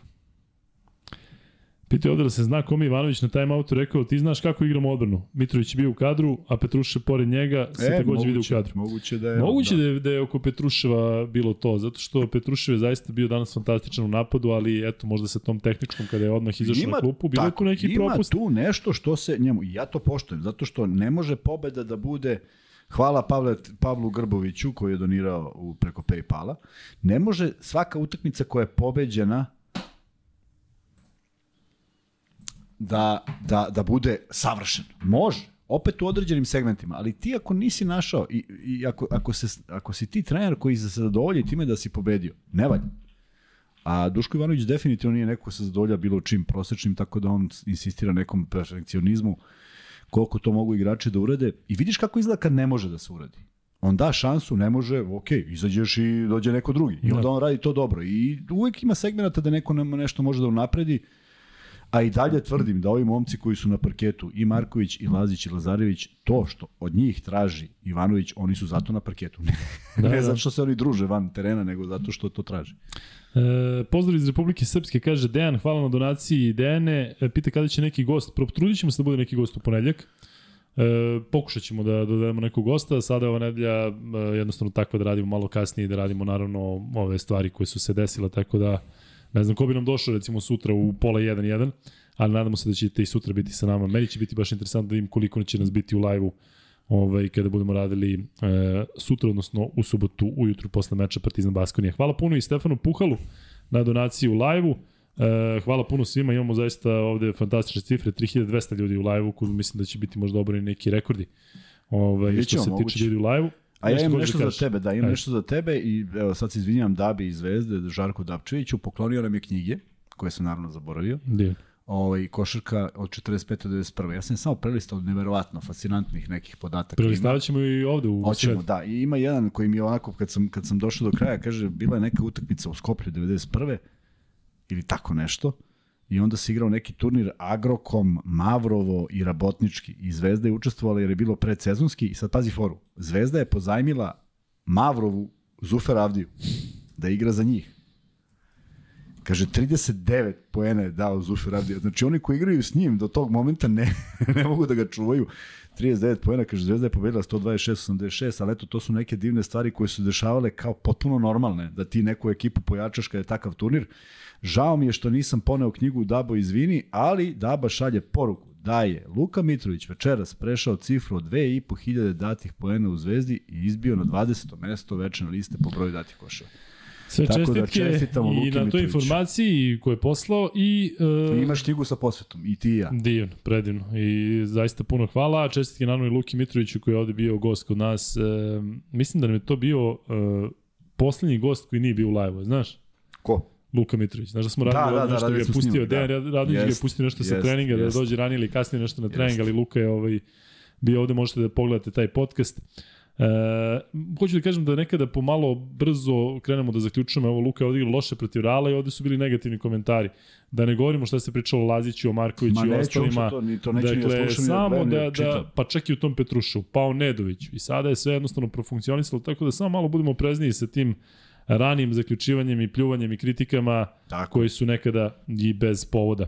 E, ajde da dođemo do 1000 lajkova pa da ispucamo i drugi, drugi free bet. Trenutno smo na 905 lajkova, čim bude 1000 e, ići će novi free bet. Kuzma, e, još malo hoću da pričam o Petruševu zato što sam zaista oduševljen jednostavno njegovom e, lakoćem sa kojom dolazi do poena. E, on je danas e, sjajno funkcionisao praktično sa svim bekovima. Šta još možda se unapredi kada recimo dođu u Kampacu, kada se Vidosa potpuno vrati u formu? Da dakle, napredi. Tako Pa ja mislim da samo treba da, da svi igrači budu svesni ovaj, odakle dolazi lopta. Jel misliš da će imati razumevanje za njega da više lopti spuštaju na njega, Na koga? o- na Petruševa, ovi koji jednostavno troše mnogo lopti, poput Nedovića, Kampacu kad Mislim- dođe će sigurno želiti da, Da, se ali dokaže. mislim da je Petruša zauzeo svoje mesto. I Pa o mislim da pričamo, oni to znaju, već da, neko i ko- mislim da ko- oni znaju s kim igraju i mislim da ni Vildosa, to tako mi deluje od kad je došao, ni Vildosa ni Campazzo, a i Campazzo mi tako deluje, neće biti oni ljudi koji će u ćošku stoji Petrušev sam jer su napravili dobru kretnju i on sad kao šutne između dva igrača. Dakle, nisu, nije to taj tip igrača. Mislim da mogu u svojim kretnjama da jako dobro nalaze prostor i danas, kažem, neke, neke asistencije koje su bile, a Campazzo je to uradio na nivou eh, ABA lige jer tu, tu, tu igra. I ovaj i očekujem da takvu i u igru po- ponovi i protiv budućnosti što je sad najveći izazov za Zvezdu jer ne treba zanemariti da ta utakmica postoji i sad kao gleda se samo Evroliga ovo su isto bitne utakmice sa izuzetno respektabilnim protivnicima koji su dugo godina glavni konkurenti i taj derbi predstavlja zaista derbi. Prema tome, ja ne mislim da će neko o, gledati sebe iz prostog razloga što neće biti na terenu. A Kampaco mi apsolutno ne deluje kao čovek koji gleda sebe, samim tim što je imao u jednoj utakmici sedam, u drugoj šest asistencija, dakle, apsolutno je čovek koji igra za ekipu, a kad mu se otvori, naravno da će da, da, da, da uradi sve što treba. Konkretno hoću te pitam, najmlađi u ovom timu je praktično Petruši. Jeste. Dakle, nije, eventualno je možda Dali Bilić ako mlađi mlađi nekoliko meseci. Pa tu su oni isto godište, da. E, kakva je, kakav je odnos tih iskusnih, skupih, već dokazanih igrača kada si igra, igrao recimo u budućnosti, pa je Pavlović istakao tebe kao U. nekoga komu je ovo. Kada dođe mlad igrač koji, e, koji jede sve redom, je li ima ipak nekog odnosa tih starijih da, da, da mora da zavisi, na zavisi i od nas starijih. Znaš, ja sam prepoznao da dolazi dečko koji ima ne- nenormalan talent. Sad, Ali si mi pričao da su ga na treningu baš sekli kad krene na Pa, kucanje jesu da je setli, bilo... znaš, on naskoči kao krene preko svih nas. Stvarno leti čovjek, malo ti je, znaš, daj, nemoj, nemoj danas, ajde sutra. Jer stvarno bude, ovaj, malo ti je neprijatno da, Da. te neko, znaš, koliko god je e, voleli te mlade igrače, prvo nemaju svi isti stav, drugo neko ne želi da izgubi status zvezde. I to moramo da znamo. Ali mi ne deluje da će biti na terenu kod Duška Ivanovića. To je cela poenta. Dakle, ako dva puta lopta ne bude otišla u ćošak, a ideja je da Petrušev ostane sam na trojici, taj koji nije dodao odmah sedne u prvi red i pravi se blesak samo da, da ga ne pogleda ovaj. Tako da, a što si za Plavolića si u pravu, ali ja sam, ja u njegovim potezima sam video dolazi van serijski igrač. I u tom trenutku on ima 18, a ja imam 31. Ja ne mogu da budem konkurencija. To jest ne može on meni da bude konkurencija, on je neko ko dolazi. Ja odlazim, on dolazi i ovaj, bilo je zadovoljstvo vidjeti taj talent i meni je drago što ga je eksploatisao tako na taj način. Ostao, meni ostaje žal što nije igrao u Evropi više, što nije bio jedan od najboljih evropskih igrača, jer sam mislio da ima kapacitet, ali tad su se otvorila vrata NBA lige i eksploatisao je to tamo. Stigli smo do 1000 lajkova, pa je red da ispucamo i drugi free bet e, i dalje ću se zadržati na Petrušu zato što kažem momak je zaista ne samo ovom utikmicom, već i ono što onim što radi u posljednje vreme zaista mislim da, da, da treba svi još dodatno da obratimo pažnju na njega i bit će zadovoljstvo gledati ga e, i u narednom periodu. Na kom univerzitetu je igrao Filip Petrušev, dakle bio je u Americi, igrao u NCAA ligi, ostavio tamo dobar utisak, nije se zadržao četiri godine, već se vratio u Evropu. Dakle, prvo, prvi ko odgovori na kom univerzitetu je igrao Filip Petrušev, dobit će, dakle, drugi free bet. E, pozdrav svima iz Gotovuše na Kosovo i Metohiji, veliki pozdrav i vama. Imamo iz Javite nam. Leposavića programe, okačio sam na, na, na, na, na story. Šta imamo? E, Pozdrav iz Leposavića. E, javljajte nam kakva je situacija dole, deluje da se smirila, ali ne verujemo da je uvek je ovaj Uvek je to traumatično. nezgodno, da. E, Vanček, jel Dimitrije Dojčinović Jeste. Jeste, jel tako? Dimitrije, e, ti si dobio free bet, ja molim one, dakle ovo nam je četvrti dan za redom da radimo i još jednom da napomenem na pravilo da tokom nedelje ne možete dobiti dva free beta. Tako da e, vi koji ste dobijali juče, prekjuče i nakjuče, nemojte slati danas, a još jednom da podsjetim, podsjeću još neko vreme, oni koji dobiju free bet više ne šalju na Luka i Kuzma Instagram, već šalju na lukaikuzma.gmail.com zato što Tako. Kuzma može u mailovima mnogo lakše da se snađe nego u vašim porukama na koje odgovara i u ovom trenutku. E, Kuzma, sad tebe da pitam, o kome hoćeš da pričamo sledeći? Ko je zaslužio posle ne, Petraša? ne, idi redom. Možeš i A po kojim broju. redom? Zato, baš me zanima ko, ko ovo. Ajde idemo ovako. Luka Vildosa. Vildosa ponovo na terenu, Pazi, kao da nije bio Vildosa povređen. izlazi na zagrevanje i padaju svi u nesvest. Ovo izlazi zato što izlazi u dresu, vidi se da nosi... A kada je drezik. protiv Reala, je izašao kako? Kada bio je je, bio šutirao? drugačijim, bio je Ja, tako? nije, da, da, Dakle, nije prepoznaš odmah da neće biti u tako. 12, I onda da. kad su ga vidjeli, to je već bio delirium. A on? Kako je Drago? Kako, Ne, on ima sa on i navijačima interakciju fenomenalno. Jeste, da. jeste, ali pro, potpuno hladan Da, da, da. u smislu izašao je da se zagreva. Međutim, kad je ušao u igru, to je kao da je sva, svako očekivao da će nešto da se desi. I desilo se mnogo toga lepog, desilo se da je želeo više nego što može, zabavljao se. Ja volim kad se neko zabavlja. Ova utakmica je to omogućila. Volim volim neke ideje koje ima čak i kad pogreši, ali ovaj mnogo je mnogo je utakmi, mnogo je eh, lopti izgubio u nizu. Bez obzira što je uradio i mnogo dobrih stvari, ono pronalaženje iza glave kad niko ne zna gde će lopta da ode, fantastično. Nažalost nije završila lopta u košu, ali jeste u, u, u nastavku ovaj, akcije. I e, odmah, odmah to prepoznaje Ivanović i Vadiga. Međutim, on ima tako dobru, takav dobar odnos sa publikom. Ja ne znam šta bi on trebalo da uradi, a da ne dobije aplauz. Zaista. Čak i da pogreši nešto. Uh, uželeo se košarke, shvatio koliko je bitno, verujem da ima negde i njegovog rizika, da je on prihvatio taj rizik i sad sva sreća, ja mislim da u učešćem Kampaca u, u okviru ABA lige da on može možda da odmori još malo i da potpuno zaleči ako postoji nešto sumnjivo, ali kažem način na koji se lečio deluje mi da je to sve zaista i tako. I da će biti spreman i za sledeću utakmicu i za narednu i da, i da je sa njim Zvezda uh, potpuno drugačiji tim.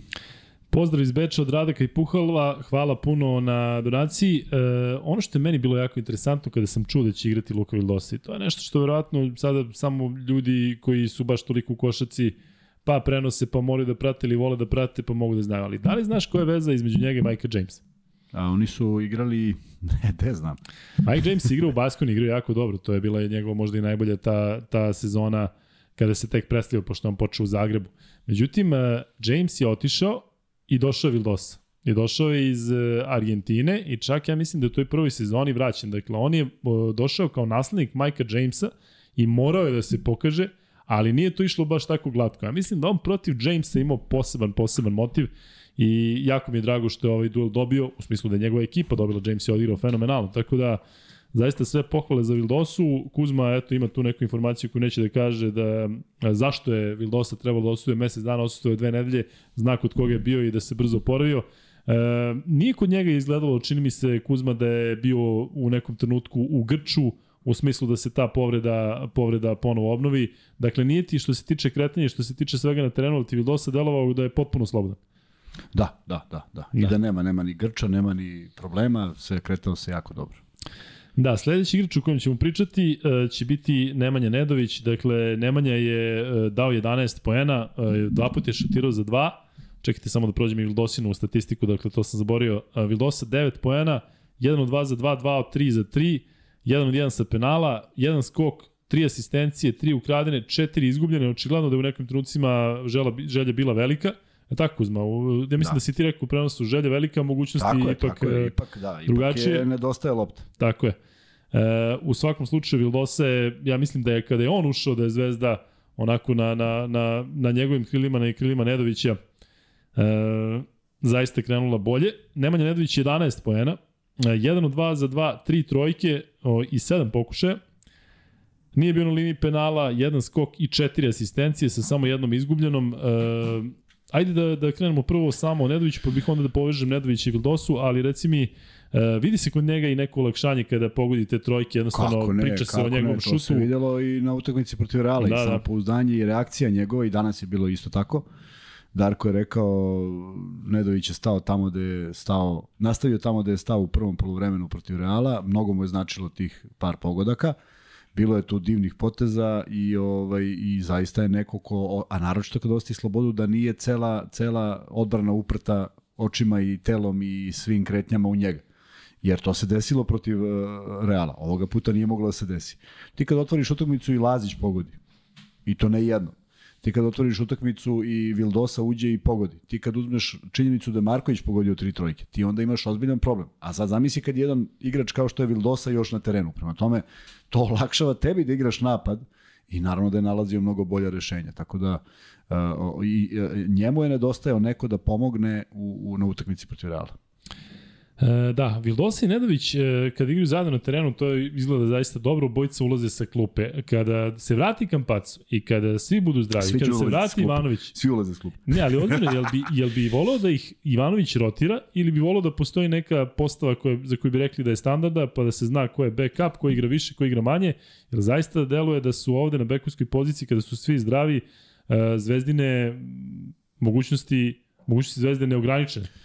Tako deluje spoljno. Ali opet i, i treba to sve uklopiti, zato što ljudi sada pričaju o Ivanoviću, on kad se vrati, znaš, gde će, kako će, koliko će da igra, gde je njegovo mesto u svemu Neka, ovome. neka, svi će se oni, svi će biti konkurentni jedni drugima, je li tako? Da, ali i, to može da bude samo pozitivno, može da Tako je, negativno. samo tako. pozitivni, zato što Zato što na nenormalno... početku sezone smo imali sve njih da se rotiraju i sami smo rekli deli si minutaža, niko nije bio u formi. Da, da. Ovde, ovde sad drugačije su postavljene stvari. Prvo, nema protekcije. Dakle, ja ne mislim da će pet igrača u dobroj formi šesti da igra, zato što je on dobar sa Ivanovićem. Tu mislim da nema šanse. Znači, već u stvari postavljene vrlo čisto. E, na treningu će te terati da igraš najozbiljnije moguće, da bi zauzeo to neko, neko minutažu. Šta će se tražiti? Tražit će se to što ti trener kaže. Možda najbolji strelac ne radi ono što mu trener kaže u defanzivi, pa neće nikad biti u toj petorci. Ti ćeš iskoristiti svoju šansu kroz to. Uh, digresija potpuna, ali moj odlazak u budućnost je bio na osam reprezentativaca. Od nas deset, osam je bilo ili u reprezentaciji ili na širem spisku ili na bilo kakvim pripremama. Samo nas dvojica nismo bili. Saša Ivanović i ja.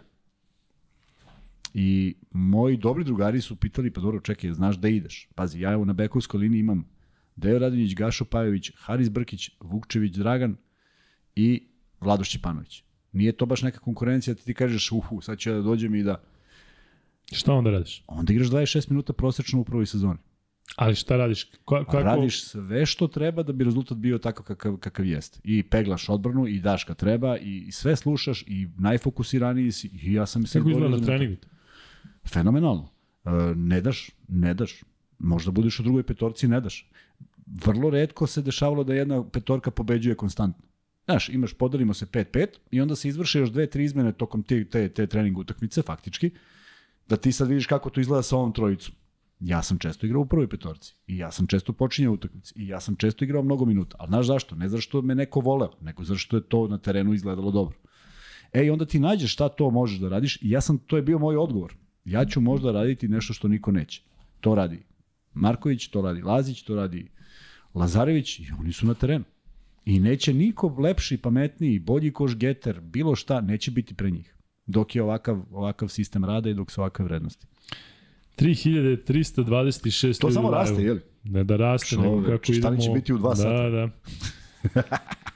Kuzma, naredni igrač e, koji je mene iskreno baš oduševio je Luka Mitrović, posebno posle onakve partije protiv Reala gde je bio praktično bez učinka. E, pričat ćemo o Luki Mitroviću, ali pre toga hoću nešto da te pitam. E, koliko je za Zvezdu jako bitna stvar, ono što je, moram priznati, i mene pozitivno iznenadilo, to je da se Zvezda fenomenalno oporavila posle Barcelone, posle onakvog poraza, pobedom u Valenciji, to nije ostavilo Da, nikakav da, trag. da, da, da. A je sada posle onakvog Reala, za dva dana odigrati ovako, to je meni delovalo nestvarno. Tako šta, je, ali, šta se dešava? ali pričali smo ovde da protiv Reala samo nije moglo. Tako je. Dakle, nisi imao, ti si imao jedno fantastično građenje. 90... Ali Kuzma, sve da izgubiš 20 Slažem se, slažem se. Ali Znači, ti shvatiš, odeš kući i izgubiš tako se je, 20 i, I ovako sedneš i kažeš šta sam ja loše uradio? Evo, sad sedi Mitrović koji nije dao koš. Šta sam ja mogao da uradim? Ja mislim da ništa ne mogu. Mo- Mogu da ide ko blesav na koš i da baca neke, neke lopte koje mu nisu ili da pokuša protiv Tavaresa da provuče loptu. Nije išla. Ti shvataš koliko je Tavares bio na parketu. Tavares koji ne igra toliko minuta, koliko je Realu bilo bitno da pobedi tu utakmicu. Da pričamo tome- posle o ovom meču, pratio sam i Real Alba, pa ćemo govoriti malo tu o Tavaresu, ali e, Zvezda je manje više igrala... Pogodilo se da je on igrao fenomenalno. I tu sad nema mnogo diskusije. I sada Mitrović treba da razmišlja, čekaj, uradio sam ovo, zagradio sam ga ovako, ovde sam uradio ovo, pravio sam faul kad god je bilo potrebno, nisam mogao više. I on ulazi sa jednim velikim samopouzdanjem da je uradio sve što je mogao. A danas je uradio takođe sve što je mogao, samo što je izgledalo potpuno drugačije. I on je bio ta karika koja nedostaje ako ti gledaš broj poena.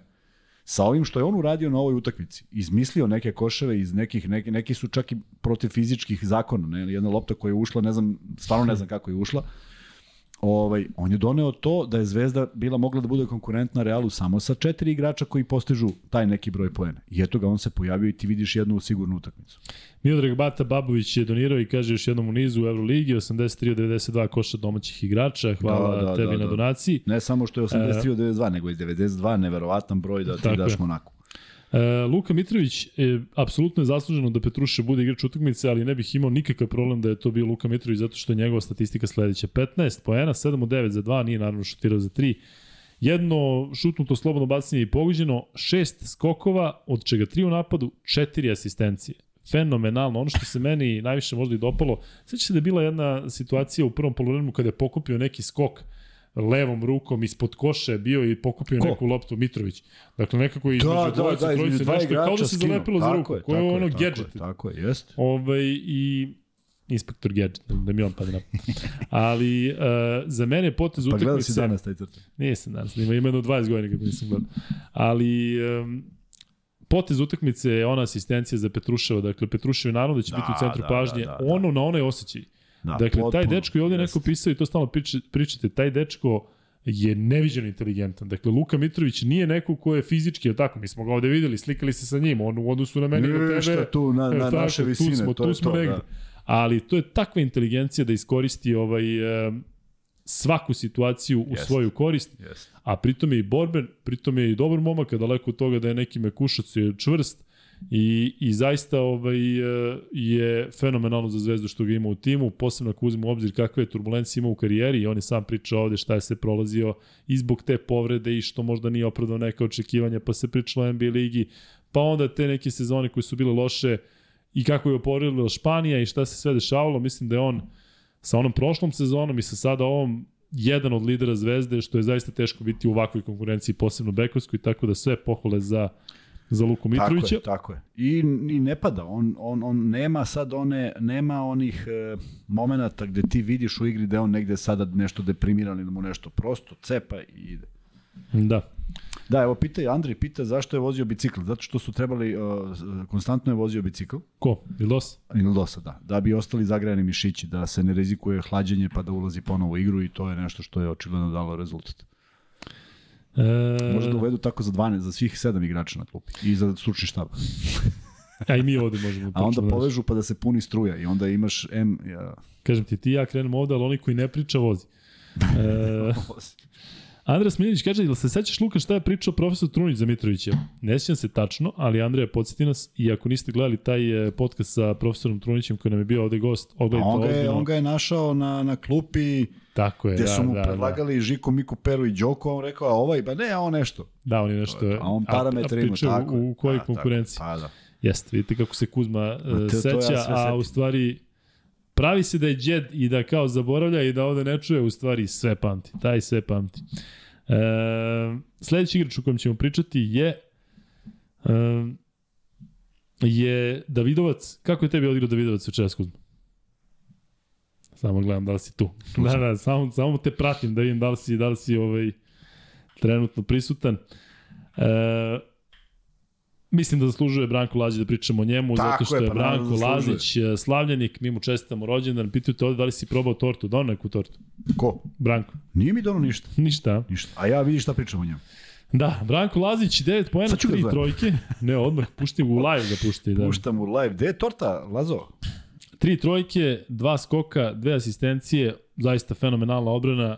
Kuzma, ja znam da ti Lazića komentarišeš u superlativu i kada to možda ne zaslužuje, pa ti to zameraju, ali Neka zameraju, Branko Lazić je kapiten, on je jednu onu loptu Tako dohvatio između četvorice protivničkih igrača, dakle bukvalno je igrao. Šta je donao loptu? Samo želja da uzmeš tu loptu, ništa drugo, nikakva visina, nikakva brzina, ništa. Samo je krenuo i rekao sad ću da je uzmem. I ona se odbija od glave nečije, pada na ruku, udara nekog u koleno nešto i pada mu u ruki. To je to To je to što on donosi i uh, neću nikada reći da on donosi spektakularni kvalitet u svojim kreacijama kada zavrti loptu double pump, reverse napravi, ne napravi nikada, ali uradi od dobar deo posla koji je bitan za pobedu. Danas je dao tri trojke, ne znam se koja je bila, ne mogu kažem bitnija, a na kraju nisu bile, ali sa toliko samopouzdanja šutira, jer njemu kad, kad, kad on ima samopouzdanje taj šut u 2-1, u 3-2, u 2-2, to je to.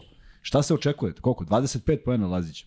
Pa on neće uzeti te šuteve. On nije u kakvom, u nije u kakvom momentu neće uzeti, niti, niti mu je to uloga. On zna svoju ulogu. Danas je James dao šta je dao, 26, 28, koliko god. Ali ovo je stalno bio, stalno bio po njega. I samo ideš i kažeš, da, ovo je neviđeni individualni kvalitet Jamesa da izmisli koš tamo da ga nema. I, I stvarno sam i ja skidam kapu. Ne možeš ti da kažeš bilo šta na to. On kad izmisli neki šut i onaj step back koji je bio 2 metra u levo, pa to ne možeš da ostaneš na nogama. Nek pokuša neko ko, ko sad komentariše da uradi to. Pa polomit će kolena on se diže i to se diže tako ravno i daje. Tako da, radi se o maestralnom igraču, ali on, on za mene ni igrač koji može da, nosi, da vodi ekipu tamo da neko želi da je vodi. E, Lazić je odradio fantastičan posao, koja god da mu je statistika, ja uvek podržavam, čak i kada se ne vidi. Danas se nije videla odbrana Lazarevića. Tri puta ljudi Doći daju njega. koš sa teškom mukom preko njega, u nekom polu izbačaju, ali lopta ulazi u koš i sad ti kažeš, vidi ga ništa nije uradio. Pa šta još treba da uradi? Da uzme motku da udari loptu gore, pa ne može. Znaš šta je zastrašujuće? Što Lazić ima 34 godine. Tako je. Njega kada vidiš ovako, on isti kao kad imaju 22. Jeste. Ali, znaš, imaš neke centre koji sa 30 izgledaju kao da su izašli iz doma on penzionera. ima tu energiju. Ali to je, to je. 34 godine ima Lazić, kako vreme I, prolazi. I, i, I stvarno, evo, evo, Evo. samo, samo, samo neka, neka se ljudi čak da zanemere sve što ja kažem. Evo ovako. Ja mislim da veliki, velika većina navijača Zvezde ima poverenje u Ivanovića. Je li tako? Da. Se slažeš? Kad Ivanović nekom da poverenje, imajte poverenje u, u trenera. Ivanović. Duško Ivanović. Da. Imajte poverenja u trenera kojem, u kojeg imate poverenje. Dakle, ako ovaj provede 20 minuta na parketu, pa šta, zato što, ž- ž- ž- ima neku drugu ideju.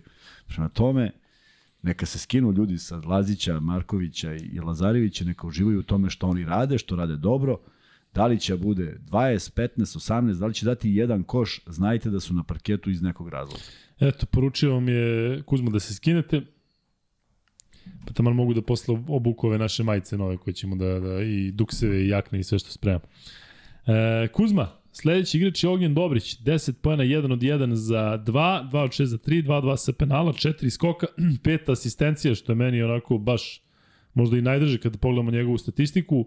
Ognjen Dobrić, rekli bismo standardno, dobar u ovom delu sezone. Ja sam siguran da on može još bolje. Uh, kako je uzeo onu trojku koja Jeste. je bila bitna, tako je, da. jako bitna trojka. Ili imaš nešto da dodaš Ognjenu Dobriću? On je danas od e, svih igrača Zvezde bio i najduže na parketu. Samo kaže Marko Đurić, jel ima dozvolu za ono biciklo? Da ne uložimo Hmm. onako žalbu sad. Dobro, dobro, fora. Da, izvini, šta si pitao? E, za Dobrić? Šta još imamo da kažemo o Dobriću? E, Vanja, pitaju zašto nema na Dizeru podcasta od 3. januara? Samo proveri, pa ne znam. Pita Ćuki koji je čest naš gost. Kaže Vanja kako nema. Da, Kako ako nema, pa nema ako rešit ćemo, nema, ako rešit ima... Biće A, e, a Zoran Raković, evo sad da odgovorim Zoranu Rakoviću koji ovaj, želi da nam, da, da nam pokloni, ako treba da rešimo, espresso kafu i aparat za studio. Nam treba aparat za studio i kafu. Ima dva aparata. Zoran imamo dva aparata, ali smislit ćemo nešto novo. Da, držat ćemo ga ovde na stolu. Da, pa mi smo inače noću, noću tu, pa ne pijemo Da, kafu. da. Ali hvala ti na ponudi i čućemo se, bit ćemo na vezi. Hvala puno na svemu što šaljete, a pre svega na dobroj energiji. E, Kuzma, hoćeš o Dobriću malo više, zašto mislim da ovog zaslužuje, daj reci još nešto. Da si, Kome? O Dobriću, šta si škrt na rečima Ma, to je oko Ognjena. Indijanac. Dobrić, Dobrić ovaj, uh, fantastična energija počinje, ne počinje, uh, zaista vodi računa gde šta, kako i sve manje ulazi u te neke problematične stvari. A nekako mi deluje da je on ni kriv ni dužan dobio te lopte u, u nekim lošim momentima.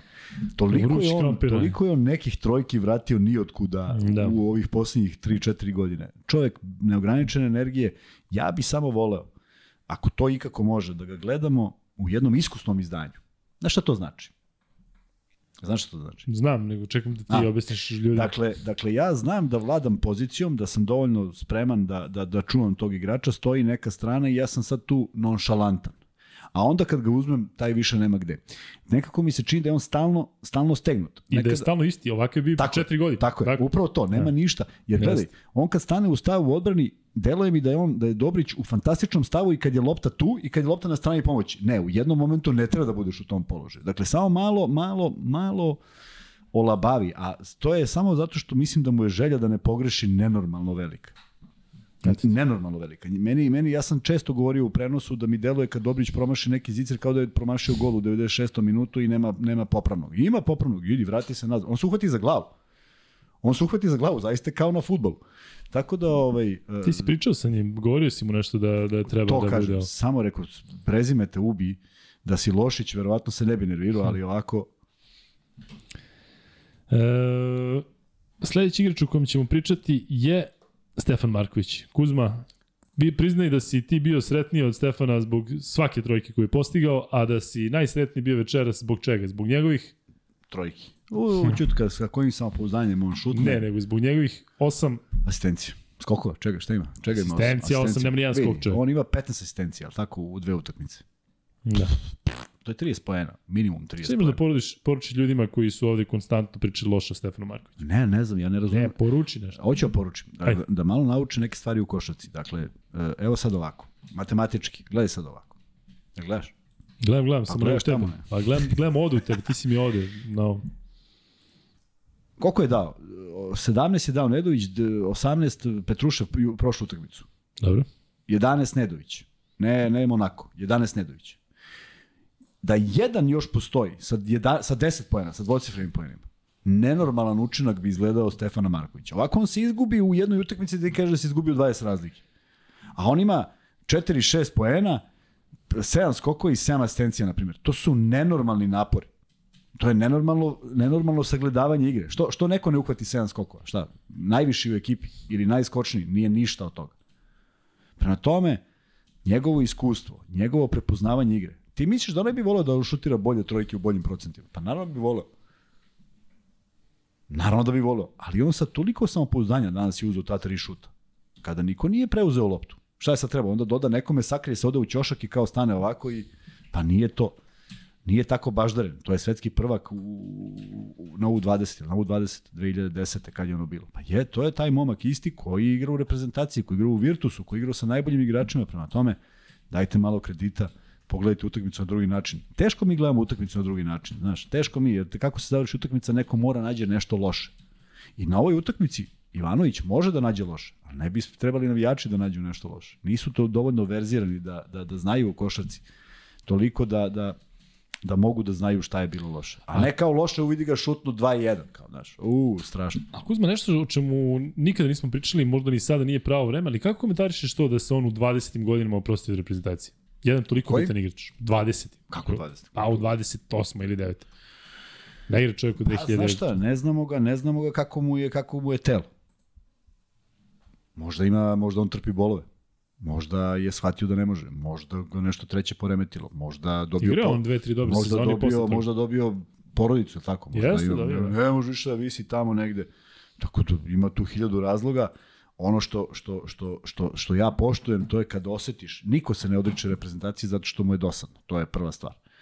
Kad se neko odrekne, najveći moment koji se desio, to mislim da mogu da posvedeče svi, a, Saša Danilović prestaje da igra sa ugovorom na stolu. On u tom trenutku, 2001. kad dolazi na mesto predsednika Partizana, ima 30 godina. 30 Da, godina. seća se ono u Virtusu kada su mu na oproštaju poklonili fotelju, Pa on da. čovjek u punoj snazi. Pa da, a čovjek je izgovorio neku rečenicu koja je došla sad dalje urbana legenda, ne znam, nikad nećemo saznati osim ako ga ne budemo pitali. Na ponuđen ugovor koji stoji na stolom, ja ne mogu više da stavim bandažu. Znači, negde čoveku, pa tako i Markoviću, verovatno se nešto desilo, rekao, ljudi, ja ne mogu da igram 12 meseci godišnje. Prosto, hoću da šetam sa tim detetom, hoću da nemam bolove u kuku, kolenu i kičmi za- sa 50 godina, kao nekim matorci. matorci. E, još nešto o Lazareviću, ove njegove, njegove asistencije. O Markoviću? Da, da. Da, da. Zaslužuje, sve odlično. mora da se kako da priča. ne, ma priča se zato što je 15 asistencija do ono 30 poena i to je gotovo. I ja nemam šta, bi- ja čak i ne, ra- ne raspravljam više, imam taj stav od kad imam, i od uvek sam ga imao, prema tome nikad se nije promenio. E, 2000, pf, koja je to bilo, 14. 15. sa Savićem sam u Barceloni pričao baš o tome o čemu sad pričaš. Dakle, on je govorio konkretno o situaciji kada je bio u Fortitudu, posljednja njegova sezona u karijeri, i on kaže, prilazi mu vlasnik Fortituda i kaže, e, imaš ugovor za sledeću sezonu, pa šta god treba, evo se, a on mu kaže, jesi ti video mene na terenu da ne mogu da hodam, da ne mogu da, da stojim? Kaže, tebi na osnovu čega mi, bukvalno ga pita na osnovu čega mi nudiš ugovor kada jedno, jednostavno ne mogu da trčim, pogledaj me kako izgledam. Tako da ovaj, možda zaista se ponekada traži previše od, od nekih igrača u želji da budu ono što više nisu u stanju, ali što se tiče, što se tiče uh, Markovića, očigledno da ima da da još mnogo. Tako da sve pohvale za njega i za pre svega ovih 24 minuta koje je bio na terenu, zato što znamo sa kakvom on energijom igra i koliko Tako se troši. Je. Jel padao rezultat? Pa čekaj, u tim momentima, ako pogledamo onu valorizaciju, sigurno je dobro. On je bio u prvom, u prvom naletu na početku utakmice. Marković je startao utakmicu da, da. i Zvezda otišla na plus 13. Pa šta, šta pričamo dalje? Slučajno? Pa nije slučajno. 8 od 28 Znaš zašto? Pa ovo je promašio. Pa nije promašio on zato što je hteo promašiti. Znači nešto ga isprovociralo. Nije, e, samo, kako se zove onaj? Oatara. Oatara. Oatara. Samo je on ima otvorene šuteve e, potpuno sam. Da, on je iz Ćoška. Samo on. To je ispadalo odbrana ili šta je bilo? Ispada, da. To je neki dogovor koji ne sme da se desi, pa se desi. Jedan je pogodio, dva puta lopta izašla iz koša i to u trenucima, znači koliko je bila bitna trojka koju je promašio. Da, jedna 64, da, 51. Tako, tako E, a ima sad ovde jedan dobar komentar, samo da nađemo. Ovde ima milion dobrih komentara, pa ne stižemo a, da ih vidim. Samo, poenta je, rekao je, samo ne znam više ko, evo sad pokušavam da nađem, ali od momenta kad mi je taj čovjek pisao, prošlo je 12 poruka. E, kaže u svakom slučaju da je bio vrlo interesantan, kaže, intervju sa Petruševim posle, koji kaže, igrao sam dobru utakmicu, ali znam da sam napravio određene propuste u odbrani. Znači, dobro, znam, e, to je to, tako da, e, to je vrlo bitno, o tome pričamo ono. Da je, da je svestan da to može da bude još bolje. A ja e. mislim da može da bude bolje. Može, sigurno. Kuzma? Opa. Tut, jesi čuo nešto? Da, čuo sam Vanja nam da, da pušta neke signale. Male signale. E, Kuzma, sledeći igrač o kojem ćemo pričati je Stefan Lazarević. 4 pojena za 16 minuta, 1 od 3 za 3, 1 od 2 sa penala, 1 skok, 2 asistencije, indeks 4, ali to je premali indeks za ovo što si ti rekao koliko je odigrao dobru odbranu u trenucima kada su ljudi pokazali, pogađali, jednostavno dao je sve od sebe, ali opet pišeš privatno nešto. Da, slušam te, slušam te. Prokomentariš Lazarević i odbranu koju si malo pre hvalio, a samo 4 pojena. 4 pojena. Četiri poena, jedna trojka, vrlo Ali bitna. si bio mnogo sretan kad je dao onu trojku sa, tako sa je, tako je, zašto je uzeo, zato što je uzeo, zato što kažem, ono pričao sam već u podcastu, sreli smo se i kažem slobodno i sad to je delovo šut koji ja hoću da uzmem. Nisam ga uzeo. Znaš kako izgleda šut koji ja hoću da uzmem? Tako. Lopta leti, a ti naskačeš šutiraš. Ali najgori su šutevi oni. Da, pa, pa kako I kao, aj sad da šutim jer nema nikog slobodnog. Pa to nema, pa to, to kad uđe je slučaj. Šta je pričao kad ste se sreli? Ništa, divan jedan momak, onako vrlo vredan, radan, zna svoju ulogu i znamo se još iz tog perioda i negde sam ga sreo pa sam mu nešto rekao pa se smejao pa smo se toga podsjetili. Da, redko pristano mladić, bilo je mm, neka da, da, u da. okviru pre Final Four Euroligije, bila je, bilo je neki događaj gde su ispred Partizana, ispred Partizana došao Avramovića ispred Zvezde Lazarević, dakle momci toliko na zemlji, toliko pristojni, toliko, jest. dakle onako čak mogu reći i simpatično uplašeni, dakle A, a obojca, dobro, Vramović nije više toliko mlad, ali e, sa takvim karijerama, sa tu jednostavno i, i, i e, takvim učinkom u najvećim timovima, tako da zaista pohvala i za jednog i za drugog. E, u svakom slučaju, to je bio recimo jedan događaj gde su bili sve neki španci koji su pohva, pokvarili te događaj, ali ajde, to je neka druga da, priča kada već govorimo o Euroligi. Šta pričaš ti da jeste kad nisi bio? Čuo sam, čuo, ne, čuo sam šta si rekao, da. Čuo sam šta si rekao. Vratio nam se Kuzma, više ne šalje vam poruke. Kuzma, sledeći igrač o kojem ćemo pričati je John Holland. 7 minuta, 0 poena. Ali dobar je bre Holland. On, se, on, uh, pričat ćemo posle o, učinku i ovih koji nisu uh, bili na, na uh, no, terenu. Nisu bili, na nisu bili, ali Ovi što koji kažeš, nisu bili na utakmici imaju sličan učinak kao Holland. ali Campazzo koji skače. Da. Ivanović koji skače. Da, da. Ko je još bio pre njih? Ko je bio treći koji nije igrao? Uh, Hasan. Hasan. Dakle, oni ljudi kao da, da, da, da skaču, kao pravi navijači. Da, da, jeste kao... Ti si govorio o Kampacu, ali to je neverovatna energija. Sva, da, sva trojica, tako je. Oni su deo tima i tako se osjećaju i vide, i oni vide, ti prepoznaš šta ovaj tvoj kolega radi. I šta on radi nenormalno, možda i nadrealno u nekim momentima. Ovaj, kada kada skače na glavu i brani nešto što nije bilo odbranjivo. Ali meni više Holland ne smeta toliko. Ne smeta on. Jednostavno, on je, navikli smo na njega i on šta god da uradi dobro, to je super. Ali vidi, on je danas uradio dve fenomenalne stvari. Uzo loptu i stuštio se na koš. Hej, onda nedostaje taj, pa ne, majke mi. Koje, obe, koje su dve stvari? pa Uzu dve, loptu i stuštio, to su te dve. ne, ne, dve, dva puta se stuštio. Aha, dva puta uradi isto. Isto. Dobro. Primio, prošao, e sad ti treba imaš osjećaj da iz tog nekog koraka gde se lepo odvojio, pogodiš, a onda je stigao komentar, kaže, gde ide na ulaz, kaže, ovaj, na levi ulaz desnom rukom, a ja ne pamtim da sam položio levom, dakle, samo sam možda malo imao bolje osjećaj, pa ulazilo. Ali, ovaj, e, dobre, to su bili dobri naleti, to je, to je promašaj. I to moramo da, da želim da istaknem, to je promašaj, ali nije greška. Da. Znači njemu sad može dođe s punim pravom, dođe Ivanović kaže slušaj, mora vežbaš ulazi. Možeš tako? Da se vežbaš. slažeš? Pa- Kako se vežba ulaz? Pa ideš i pogađaš. U- Baš taj po, potez praviš koji nije prošao. Pa možda će bude bolje. Ali on nije izgubio loptu, nije zabrljao nešto, nije uradio nešto kontra, kontra košarkaškim uh, košarci. Za razliku od nekih prethodnih utakmica. E, Holand je jedini koji je danas imao ne, negativan e, Jest. učinak, odnosno indeks minus 3. Kuzma, dolazimo do tvog jednog od omljenih igrača, Ognjen Kuzmić. 4 poena, 2 od 2, Ma je ušao 4 čovek. skoka bre. za 9 Tako minuta. je, tako Ti je. Kuzmiće, ja mislim kada bi se sve tvoje izjave koliko hvališ Kuzmića ovde i u prenosima skupile, to bi bio jedan program od 24 sata. Što voliš toliko Kuzmića, Kuzma? Zato što Jel ima znam nešto koliko do prezimena? Kuzmanović, Da, da, pa Kuzmić, između ostalog uglavnom tako. I to kad krene neko što na K, K, U, onda sam A već... još Z. U Z kad uleti, to Da. više ne pitam. Je. Pogotovo što su i moji rođaci Kovačević, verovatno iz tog razloga. A, zašto volim Kuzmića?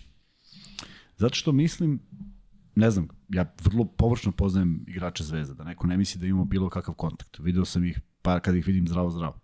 Dobro, srećeš ih svaki dan na ulici. Ne. Pa da, po, po neki pratim, pa onda, ej, desi, ja, pratim ga samo da bi mu se javio. To, to. A, Kuzmić. Prošla godina apsolutno jedini centar koji je držao celokupnu odbranu Zvezde i reket. Ne dva, jedan. Dok Mitrović nije prešaltovan na poziciju pet. Čovek koji je imao toliko pehova. Nemojmo da zaboravimo da je nedavno, relativno skoro bio u tom realu, da je pauzirao godinu dana, da mu se tu uruši malo svet kada se to desi. Da je imao tragedije u porodici. Da je on imao saobraćaju nesreću iz koje je pitanje bilo kako će da izađe da se vratio i posvetio se treningu nenormalnom. Ja mislim da je on cele prošle godine najviše radio. Da, svi smo bili iznenađeni kako se brzo vratio Tako i mentalno i fizički. Tako je. A kad sam ga sreo sad ovo na koktelu i pričamo, on, on je toliko, on je kao dečak neki. Ja sam spreman da igram 2 minuta, ja sam spreman da igram 17 minuta, 15, ja ću da igram. Znači on ti priča nešto da, što... Izvini, zato su ga gotivili u Golden State, Pa pa, s kojim naravno, je pa svuda titul, njega su tako je, obožavali, tako je. avionu, bila Šta je on priča. danas uradio? On je danas izgubio jednu loptu na kraju utakmice Brown koji ima nenormalno brze ruke, mu izbio loptu. Šta još nije valjalo? E, ne može on 20. Pa i ne mora 20. Što mora 20? Ali to što je odigrao, odigrao je izuzetno.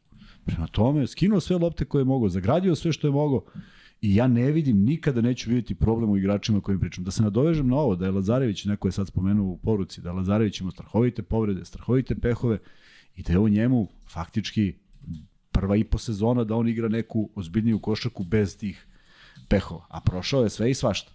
I imati jednog ovakvog igrača, i ja ponavljam, da svaka ekipa ima ovu trojicu u, u sastavu od 12, to su kvalitetnije ekipe. Ja to tvrdim i ne može niko da me razuveri u to. Ti danas imaš zamene, zamene za sve igrače koji ulaze u, u, u, u, u Monaku. Šta je ideja? Da se poentira. I svi uzimaju šuteve, bez problema. Ovi strpljivo čekaju, znaju šta im je uloga, a ja mislim da mora se zna uloga na terenu. Kuzma kad priča o Kuzmi, lomi naočare od, od, Ma, od, pusti me kad, kad mi neko spomene kud. samo da ima čaša, da nije šolja, vjerojatno bi razbio o, Ma, raz, pat. svač. Jel slušaš ovaj komentar? Koji? Koncentriši se. Ajde, evo samo da slikam. Da prijavim Kuzma, školski moj, neki 2006. kaže trener u srednju, danas će doći jedan na trening, nemoj da se smijete, dolazi Kuzma, futbaler od 2.05, tada mi svi nabrijani na basket, a on će ući šut. Da, tako da, ovaj, e, jel te, jel njega zovu Kuzma? Koga? Kuzmić. Da, Isto. Da, potpuni biser. Ja zovem, ja pišem poruku Milutinovu, nešto mi treba. I kaže, majstore, tap, tap, tap, tap, tap. Nešto mi treba. Ne, ne, ne, nešto. nešto drva Dok sam bio u Savezu, ne, tap, tap, tap, tap. I napišem Kuzma. Ovaj kaže, opa, kaže, gde si majstore? Jo, da, rekao, evo te dobro, znaš, još me gotive ljudi. Znaš. E, rekao, vidi ovo, kaže, a šta je bilo sa ne znam čime? Ja shvatim da čovjek sad, ja napišem, izvini, ovaj, ne razumijem. On kaže, "E, koji Kuzma? Smijali smo se posle, ali mislio da je on. Gde si Ovaj, majstor? carstvo. Da. E, ali moram da ispričam jedan biser potpuno nadrealan. Slušaj, slušaj, ovo će setiti Milutinov Nedović ako ikad gleda ovo ili bilo ko, ali fenomenalna anegdota, sad sam se podsjetio jer si rekao Milutinov. Mi u Savezu i dobijemo zadatak da odemo u najveću školu u Beogradu. 7 sekretara skoja. Nije, nije, nije. Mladost. U Vinči. Uje. na primjer, 800 ljudi, 900, 1000, ne znam, ne, neki nenormalan broj. Znači ima, ja mislim, 8, ne 8, 10 razreda prvo, prvi, osnovaca. Dolazimo tamo, ja sam pratnja, svi smo u majicama i idu Nedović i Milutinov. Svi smo u kolima i pičemo za Vinču. I, i haha, idemo tamo i dočekuje nas predsednik, e, direktor škole. Jedan onako prilično rasejan tip, mlađi, mlađi, kad kažem mlađi, negde moje godište, ne mlad kao oni. I prilazi i kaže, dobar dan. I sad stoji Milutinov ko kuća, znaš, on kaže, Milutinov, a? Partizan? To da je nadrealno, znači čovjek nije baš u, u, u sportu, kad on treba, po, kad on treba pogodi ko je ovaj gde igra. On kaže, da, drago mi je. Okreće se i kaže, čekaj, čekaj, čekaj, kaže, Nedović, gde beše, kaže, ovaj izgoreo. Pa kaže, Zvezda, da, kaže, to je Zvezda. I odlazi, ne, ne pozdravlja se sa mnom. I sad ova dvojica idu, Nedović kaže, čovjek ne zna ni, čovjek ne zna ni kosmo. I odjednom staje na stepenicama i kaže, čekaj, kaže, bio još jedan. I okrene su ja sad u majici ovaj, Srbije. I okreće se, ja kažem, da, da, ja sam. On kaže, Kuzmanović. Čovjek stao u 96. i 7. Da, sa gledanjem košarke i prestao. Tako da, eto, kad kažeš Milutinov, tako da imam, imam ja poznanstva s tim ljudima i negde izuzetno poštujem šta rade, to valjda neko shvati iz ovoga što pričam, ali uh, eto, tako kad si spomenuo Milutinova, to nam je bila neka, neka, neka, neko zezanje vezano za Kuzmu. Lepo. E, Kuzma, šta da samo igraš? brzi update za tranzistor, kogod je pisao, hvala mu. Evo sad se čuo, mislim čuo, dopisujem se sa likom koji se bavi tranzistorom, koji je kao neka vrsta pomoći i rekao je da Deezer sa njihove strane ima neki bug. I Eto. jedan podcast nije poslao to 3. januara. Eto, Tako se Dakle, nije nadam. do hvala. Da, da, da, tako da Mi smo proverio poslali sam. Deezeru, samo Deezer to... Da tako. Proverio sam za sve Da. podcaste, bukvalno ovde nije ništa od trećeg nije poslao, tako da kogod je napisao hvala mu i nadam se da će sad uh, Deezer ili Eto, neki bug, pa da. da, da to reše brzo. Hvala još jednom. E, eto, čuli ste Ivančikov glas. E, a mi kada dođemo do 1500 lajkova, imat ćemo treći free bet, a ako dođemo do 2000 lajkova, ubacit ćemo i četvrti free bet, zato što je večera zaista veče rekorda. 3516 ljudi u live-u, Kuzma. Osjećaš tremu neko, a? 516. Sve. E, Malo samo, ti, a? da, samo da spomenem Rade Škorić, sad nešto priča o čemu smo pričali. Apropo onog, onog, pošto si ti poslao poruku meni u prenosu. Da. A, nismo samo jednu stvar spomenuli. Pošto postoji taj jedan challenge i on se redko koristi na početku utakmice. Nije to sad neka krucijalna stvar, ali može da promeni tok. I vrlo bitan detalj, Jest, da. koliko god to glupo zvučilo, u četvrtom minutu utakmice. I negde ti ostane žal što je iskoristio challenge, Jest. a u suštini iskoristio ga je i što je najvažnije, Petrušev je odmah pokazao da je u pravu. Ma znaš šta je Tako- meni tu zasmetalo? Ne znam da li si video. Dakle, Ivanović odmah pokazuje challenge, ovaj mu signalizuje challenge, ovo tri stoje kao, kao, Kao- kao da, šta, niko, kao znaš, šta, ne, nego, da, da. kao idemo Šta dalje, igramo. pokazujete? Da, da, da. Znaš, kao, Svi su pokazivali, jesno. Ne, ne, nego ni- nisu shvatili da trener traži challenge. Ovaj pokazuje hoću challenge i ovi gledaju, gledaju u njemu ko, ko tele. E, slušaj ovo, da slušaš. Aha. Pitanje i za Luku i za Kuzmu. Kako izdržavate ovaj ritam? Svaki dan komentarišete utakmice, studio, podcast, ko zna šta još? Jel spavate uopšte? Spavamo malo, Radimo dve radio emisije i ali ovde sa vama je fenomenalno i uživamo u tome, tako da... e, spavamo. Spavali smo. Da, Nekada, biće, spavat će, odmarali smo. biće prilike za spavanje. Tako da, ovaj, kako izdržaš Kuzma? Dobro je kada ovako pričamo sa ovoliko ljudi i kada ima ovoliko pametnih komentara, ovoliko stvari. I pritom Kuzma koji je recimo danas imao studio po utakmicu, pa opet kraći studio, došao ovde i vidite kakvu energiju ima. I šta smo radili pre podne? I ovde te zezaju kako bi bilo da, ovaj, da je Zvezda izgubila, onda ne bi imao toliko energije. Ko pre meni došao? Ne, ja sam bio to, ja sam bio uvek i stvarno sam bio spreman i na porazi i na pobede. Prosto to je sastavni deo, nekad pobediš, nekad izgubiš. Jedino što ne bih nikad u životu preživeo apsolutno i bio sam na korak od toga da se desi, to je kada smo pobedili Šole u prvoj utakmici 34 razlike.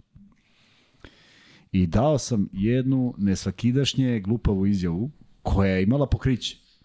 Pitali su me šta se očekuje u, ovaj, u Francuskoj. A ja sam rekao, ukoliko izgubimo više od 34, pa treba se bavimo svi pilićarstvom. I? 39. minut, 32 razlike za šole i čovjek šutira trojku ja razmišljam na terenu da li je moguće da se ovo dešava. Znači, mi smo odigrali najskandalozniju utakmicu u istoriji svih utakmica i meni je drago što ne znam ni da li je bilo na televiziji. Nadam se da nije i da se niko toga ne seća. Čovjek je uspeo da promaši, dali smo nekih 4 poena, završilo se da li 30, da li 31, nešto smo jedva preživeli. Još jedan uh, memory to ne, lane. To ne bih preživio. Memory lane. Kuzma, uh, Ilić, 3 minuta, Ništa, bez učinka, super, ma naravno. ali dobro da igra. Još Ali što recimo, ili imaš problem? Problem. Čuj, problem. Jel ti žao što Raduljica nije ušao? Ne. Ti koliko voliš Kuzmića, ne voliš Raduljicu? Ne, ne, voli ne čovjek daleko od toga da ne volim. Ja Raduljicu pamtim kao jednog izuzetnog košarkaša. On nije u formi. Ne, pamtim kao izuzetno košakaš, ovaj ko da je Pa evo, 44. godište. Pa, i bolje da je 44. nego da igra u ovoj formi. Nije što u mu? formi. Pa ne, ne možemo ni da vidimo da li je u formi. Kad smo, kad smo, smo, ga videli, videli, 25 kad smo ga videli, videli smo ga. Nije u formi. Odmah ti kažem da nije u formi. To prepoznaš. Imao sam jednu, jednu i privilegiju i da igram sa Bulatovićem u budućnosti i ne privilegiju da igramo zajedno u, u, u Rumuniji. Zato što nije bio u formi. On kad nije u formi, to izgleda jako loše. I on je, mnogo mu je trebalo da se vrati u formu. Kad se vratio u formu, naravno da je bio bitan šraf ekipe. Ali on sad, sad trenutno Raduljica nije u formi. A da li misliš da bi on, kao što kažeš, uđe Kuzmić na 3 minuta i doprinese nešto, da 3 Ne, minuta odredi ne, nešto ne, napravi mo- faul? Mo, možda napravi faul, ima valjda neko ko će napravi faul. Šta sad kao treba uvedem celog čoveka da mi napravi faul? Pa može Ilić da uđe i da čuva bilo koga i da napravi faul. Dakle, zaključili smo Kuzma ne voli Raduljicu, idemo Da, dalje. to je apsolutni zaključak. E, kad znaš nekoga iz mnogo dobrih izdanja, želiš da ga vidiš u sličnom, ne u Da. E, čekamo dakle 1500 like pa da odradimo i treći free bet. E, možemo sada malo da odgovorimo na vaše pitanje, nemojte se ljuti zato što ovde vidite da pričamo o igračima pa ne stižemo da, da, da odgovaramo, ali Kuzma, hoću ja tebe da pitam, e, reci mi šta donose sada redom ljudi koji se vraćaju? Ivanović, Martin, pa i u jednom trenutku i Kampac. To nosi ti jedan kvalitet. E, jedino što mogu, što ne... Pritom, zaborili smo na Bentila. Koji je Bentel? Bentil, ko da ne postoji čovjek. Ko on ti bio juče, Ne znam, ko ti kriv što si se Jel razboleo? on nešto Da, sedi dva kući temperatura, aha. Pa ne, ali nije bio u Duranu, nije. Nije bio bolestan. Da, on, on ko da ne postoji. Dakle, dva, dva dana čovjeka Da, nema. nikoga, Dakle, ne, ne, nikoga više ne spominje. je. Možda otišao sestri na svadbu, razvela se, na, na razvod. Um, to je samo jedan plus. Jeste da ima mnogo igrača. To smo konstatili na početku sezone kako su dolazili, ali kad ti dođe neko kad ti dođe neko kao Vildosa, on pojača kvalitet, on pojača trening, on pojača sve. Tebe napravi bolje. Uh, veliko je za- zadovoljstvo igrati s majstorima košarke. Samo ako si glup, to nećeš iskoristiti. A ja nekako mi deluje da ovo što gledamo u Zvezdi nema glupih. Imaš, imaš na primjer, Markovića, koji neće se takmičiti s nekim u nekim stvarima, ali tako? Neće se on takmičiti u lepoti poteza sa Vildosom, A, a možda i hoće.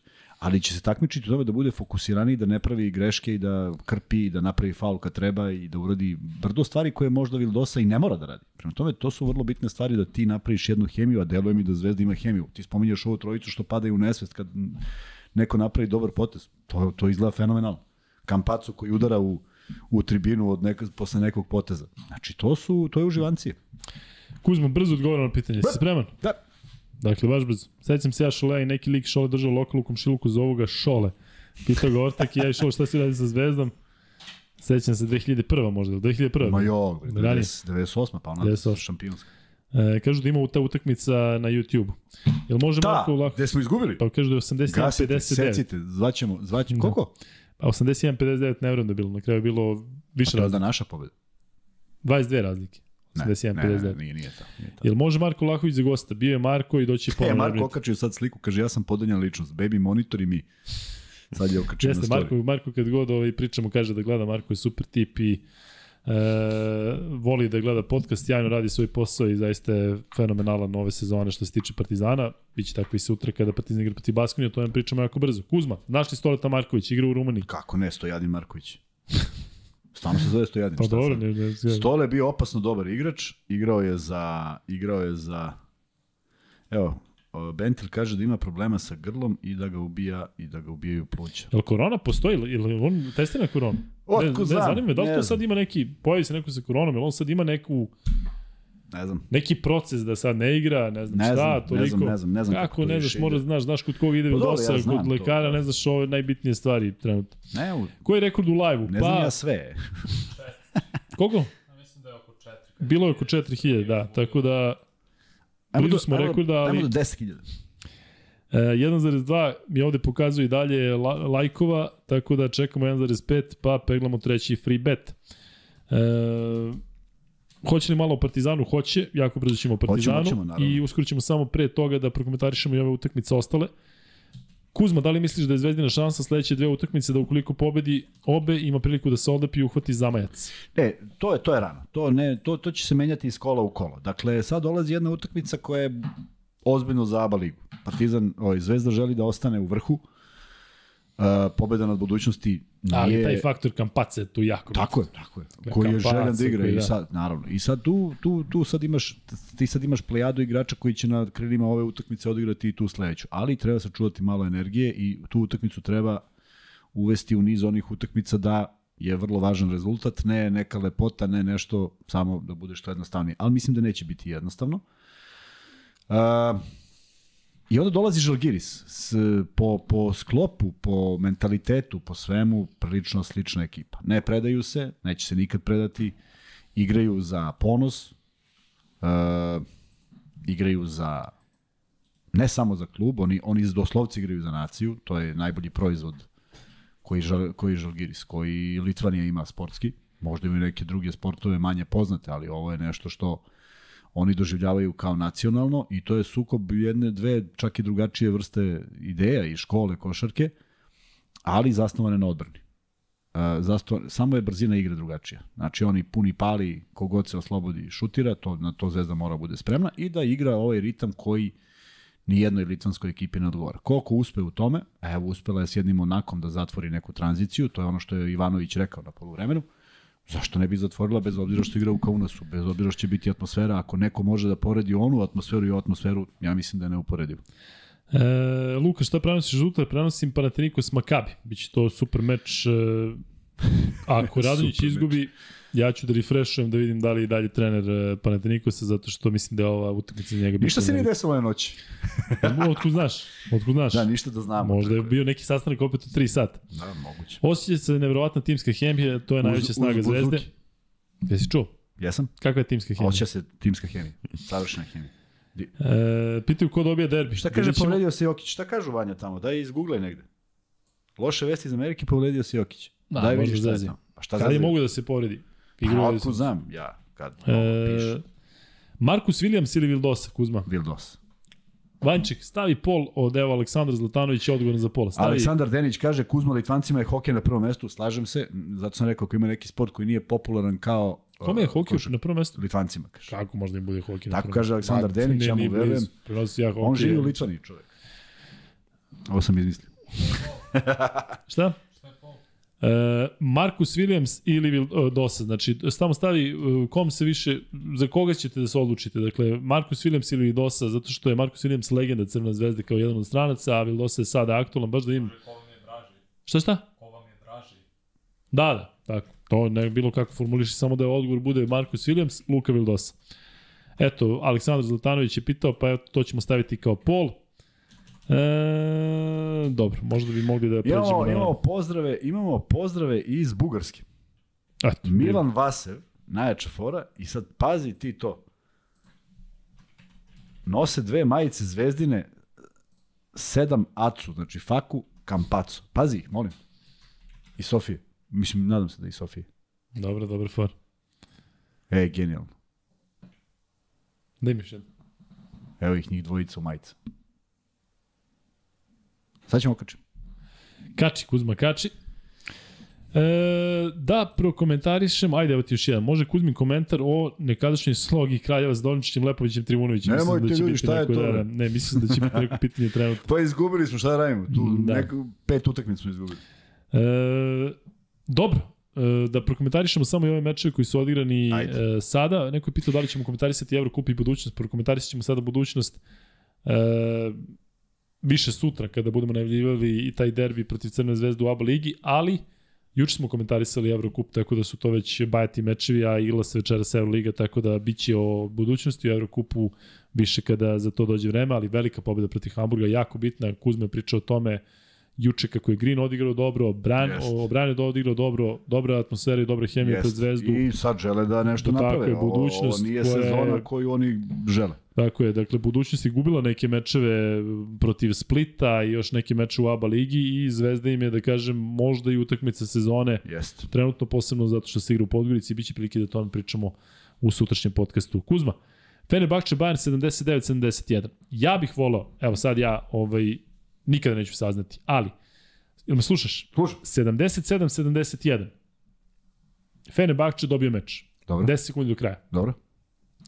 Fenerbahče dobio prvu utakmicu protiv Bayerna u Minhinu. Dobro. Da pratiš? Pratim. Fenerbahče dobio i sad je dobio. 77-71, Gudurić tapše loptu, svi stali, pozdravljaju se i tu se kaže napadajte koš. Zašto?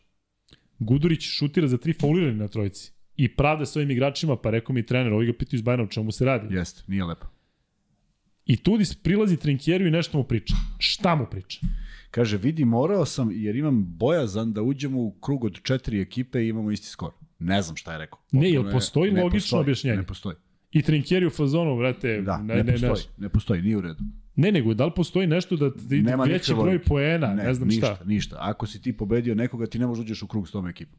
Dva puta si Tako pobedio. ja razmišljam, ali mora da postoji neko objašnjenje zašto i Tudis pokazuje Gudurića. Ako neko zna ili ako neko uspe da pročita sa usana, pošto su pričali naravno na našem jeziku, eto nek mi kaže, zato što ja Nije, to nije ne znam. jasno i ja to ne pozdravljam zašto su načini završavanja takvi kakvi jesu. Još ja vraćam film, rekao, čekaj bre, Fenerbahče pobedio Bayern, da. Da. o čemu se radi, nema, nema, nema šta se deša. U svakom slučaju jedna loša utakmica koja je potvrdila i da Bayern i Fenerbahče igraju u nešto slabije formi. Motley je odigrao fenomenalno, pitao je Crni Grobar za to. Nije bila baš gledljiva utakmica, ja sam vraćao posle Zvezde da vidim što više, ali uh, Fenerbahče je bio na nešto 20 i kusu razlike i onda se Bayern vratio, to je jedino dobra stvar u smislu da je eto bilo kao nekog potencijalnog preokreta, ali jedni i drugi prilično tanki. Alba, Real, Kuzma, sad mi je bitno da me slušaš. Slušam. Koliko god tu odgovarao na stotine i hiljade, milijardi i miliona poruka. 77-84. Alba je Vidio. našla Rešenje. rešenje za Tavares. A znaš kako? Kako? Kad on primi loptu, svi dođu kod njega. Svi skupe. Dobro. Znači, svi skupe. Dobro. Seci falom, svi. Znači, cela obrana ovako. št. Dobro. I tukli ga. I on je išao na penal. Ne samo da su ga tukli, nisu ga tukli. Dakle, Nego? on je čovjek završio sa šest ili ne znam koliko pojena. Dakle, jednostavno, Tavares, apsolutno u fokusu. Šta je bilo s loptom? Kad on- je, ništa, on da da povratni pas ili nešto, ali njega su spustili i odigli su egal meč sa Realom. Dobro, ali šta se dešavalo s loptom, samo mi reci. Kad je kod njega, Aha. pa kažem ti, on je vrati, proba Ali da promaši. leđima. Pa nešto se dešava, on pokuša nešto uradi. U svakom slučaju odbrana, govorimo da je fokus bio tako Dobro, da... ali kakav je šut, kakav je šut za tri uh, reala? Sad ćemo vidjeti. Ako je loš, to je onda rizik na koji su bili spremni, ali su gledali Da, utakmicu on, protiv Zvezde. tako je, tako, Tako je. I rekli moramo nešto da uradimo. Tako je, Radili su to, probali, a mi smo je. pričali ovde kako ne može da se, da se igra protiv Tavaresa. Može, jednostavno, žrtvuje sve drugo. A, vidi, i, i Barcelona ovde nije mogla da se odigra drugačije ako su oni pogodili sve što su pogodili. A onda je Barcelona šutnula sve što je promašila za sledeću utakmicu. Sve su promašili. Ne, nego mi delovalo kao da smo ovde napravili neko božanstvo od Tavaresa, kao Tavares, ne može niko da ga čuva, pa onda Real, Real je meni stvarno glavni favorit za Euroligu. čak, ali čak, čak ne mislim, ne mislim o Tavaresu defanzivno. Šta su, šta su reša, kako su rešavali ofanzivno? To je pitanje. Kako su oni, su išli nulaz, nisu? Ne, pazi, oni imaju kumađe koji je 3 cm viši Dobro. i koji je bio na terenu. Ok, to je to. Znači, odgovor je taj. Ali kako bi oni rešavali da nemaju kumađe? Neko mađe igrao malo, sad ću da pogledam. Pa Nije dobro, šta su radili? su Šta oni... su radili kad je... Ovaj... Nisam mogledao celu utakmicu, ali evo, Treba gledaj, pogledamo, gledaj. pa ćemo da zaključimo. Baš eto, baš kad stigneš, pogledaj pa da, da pričam Hoću. malo o tom meču, zato što Tavares je stvarno sjajan, ali pazi, šest pojena Tavares, 1 od 5 za 2. 4 od 6 sa penala, 11 skokova. 4 blokade, dakle, u, a Real je šutirao za 3 pojena, 11 od 29. Dobro. Dakle, neko sad ko nije gledao utakmicu i nije gledao Tavaresa, ništa nije primetio ovde nešto specijalno njega. Dobro, moguće. Pa, A Kumađe je, eto, taj koji je čak viši nekoliko centimetra od njega. Kumađe igrao 16 minuta dao 9 pojena. Bio bolji od Tavaresa, 6 skokova. Molim lepo, 12 indeks. Ali dobro, ja sam stvarno sada sve na stranu, ja mislim da je Real zaista iz ovoga što sada vidimo prvi favorit za, za Jest, Euroligi. jest, Zato što ne jest. vidim Barcelona, ko je tu? Barcelona. Ne, ne, Olimpijakos mi igra jako dobro, ali ne znam koga bih, koga bih drugog stavio.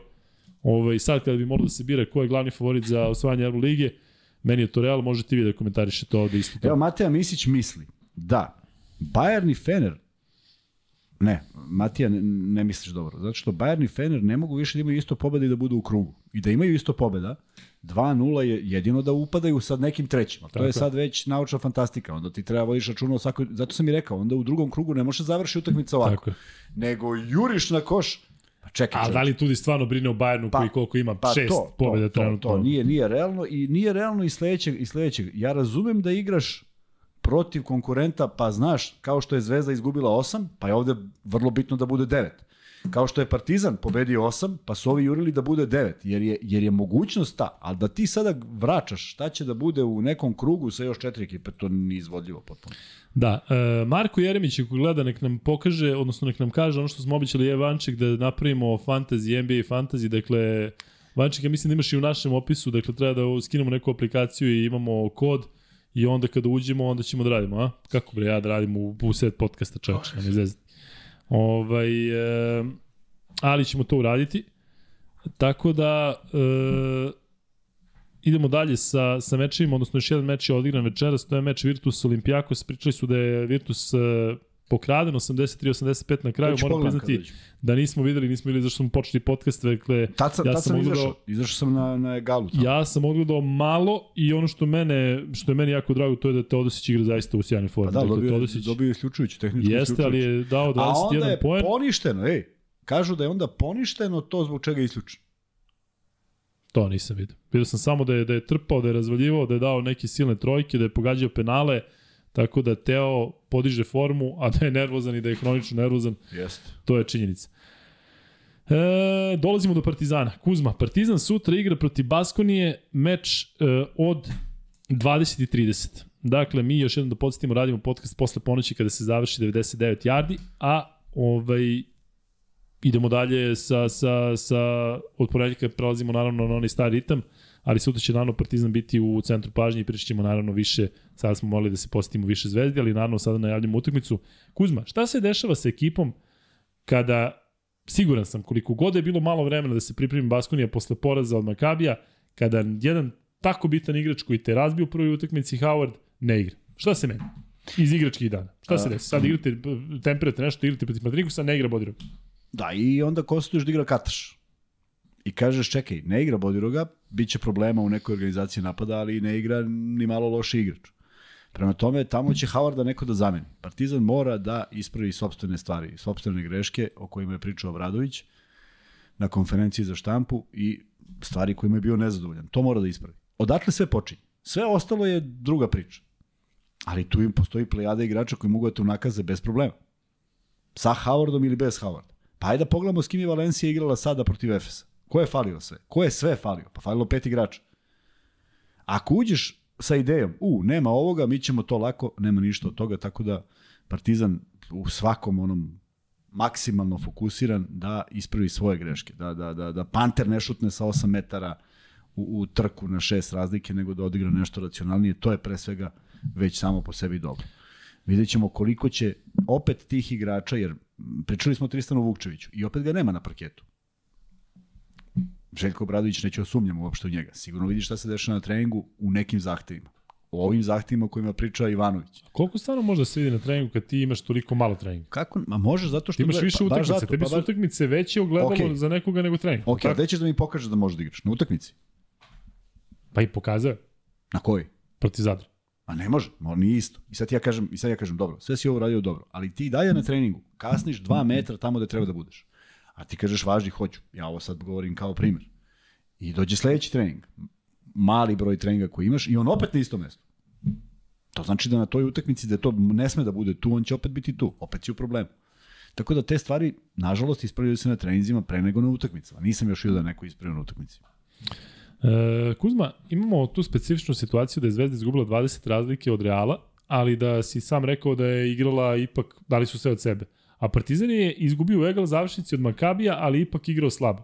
Kako Partizan treba da se podigne sada za utakmicu koju jednostavno mora da dobije? Pošto Baskonija možda bude potencijalno rival i za plasman u top 8 i ovo je, ne možemo da kažemo biti ili ne biti, pošto ima do kraja još I ima do koliko, kraja, ali je vrlo 16 bitna utakmica. utakmica. Kao što je Zvezdi ovo bila bitna utakmica, Tako. a nije biti i ne biti, tako i Partizan. Ali Partizan je odigrao loše protiv Makabija. Ti Jest. si sam rekao da je. Zvezda odigrala protiv Reala, Jest, dala sve od jest, sebe, jest, jednostavno jest. nije bilo varijante da se dobije. Makabi se nudio i ja gledao sam reakcije na nekim, ne znam na kojim mestima reakcije Partizana, a imamo i mnogo prijatelja koji nas prate.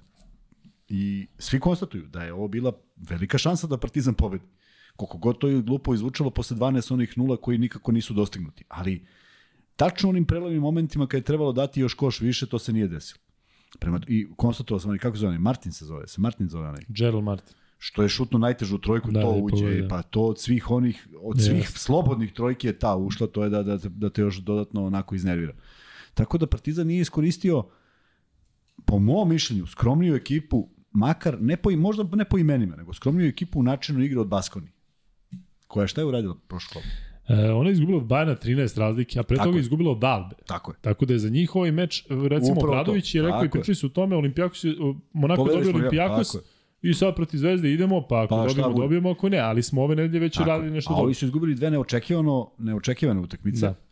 od ipak skromnijih protivnika u odnosu na njih i sad oni moraju da se vade. Da li su oni sposobni da se vade? Ja bih volao da verujem da nisu. Ali sigurno neće doći ovde da, da, da se prošetaju, nego će doći da probaju da na- nadoknade to što su izgubili. Prema tome, opet zavisi samo od Partizana i te fokusiranosti i manjak grešaka, manje izgubljenih lopti i ajde da vidimo ono što bih ja želeo da vidim, to je da neka petorka startuje i da ne bude toliko nervoze posle 3 minuta. I ne, opet ne želim da sumnjam zašto to Obradović radi, ali, ali indikativno, ako je njegova, njegova izjava na konferenciji na štampu, to je odluka trenera. Pa slažem se, naravno da je odluka trenera, nije odluka neko ti došao i rekao nemoj da mi igra ovaj više. Ali nije dobro. Pitanje je da li ga imaš na današnjoj utakmici. Da li on može da se resetuje za dva dana i da kaže ok, sad ću da uradim sve to. Ili samo klimne glavom. To je veliki problem. E, Partizan je izgubio meč protiv Baskonije u Vitoriji i znamo na kakav način. Na onaj potpuno Da, da, da, bizaran da, da, da, da, da. koji je praktično već bio dobijen da. i to je i bio početak jedne onako prilično teške serije za Partizan. Ušli su u, u, u, te neizvesne završnice koje gube na Tako. bizarni način. E, koliko recimo se igrači sećaju toga? Koliko jedan panter sada sedi i kaže jao i daj ono što sam uradio, daj sada da ispravim i Pa da, to ima ikakve sve- veze kod nekih igrača sad kada je prošlo već nekoliko meseci. Da, ali bi trebalo da se seti na način, e sad neću da uradim to isto, nego sad ću da odigram najbolju moguću partiju. Ali koliko ima ono, e sad protiv njih, zato što su nam uzeli ono, Može- trebalo je sad ćemo da baš izgoriš, možda izgoriš. Možda izgoriš. Ima, ima mnogo tu elemenata i to govori o nekoj snazi i psihe. Sad, ovaj, imaš igrača koji potonu i ništa ne urade, imaš igrača koji žele, da, žele više od nego onog što je potrebno. A, ja, na primjer, ne mislim da je Panter odigrao loš meč protiv Makavija, daleko od toga. Najlošiji je taj moment izbor koji je možda najbitniji, jer si ta došao u priliku da, da smanjiš rezultat, tako da ne mislim da je on igrao loše. Ali samo dokazivanje, ja znam da Amerikancima to vole, znaš, u, ovdje igra James, sad ću, ja, sad ću ja da budem bolji od njega. Čekaj, ko o tome priča uopšte? Koga to zanima da li ti bolji od Howarda i da li on dao 25, a ti 26? Bitno je nešto drugo, što nekako izgleda te, teže, teže razumeju. Ono što mislim da je bitno za, za igru Partizana, to je da Ledej bude u ovoj formi i da Lesor, meni je neko napisao, ne slaže se sa našom konstatacijom da je Lesor odigrao lošu utakmicu i kaže imao je 4-2 za 2 i 8 skokova. Jeste.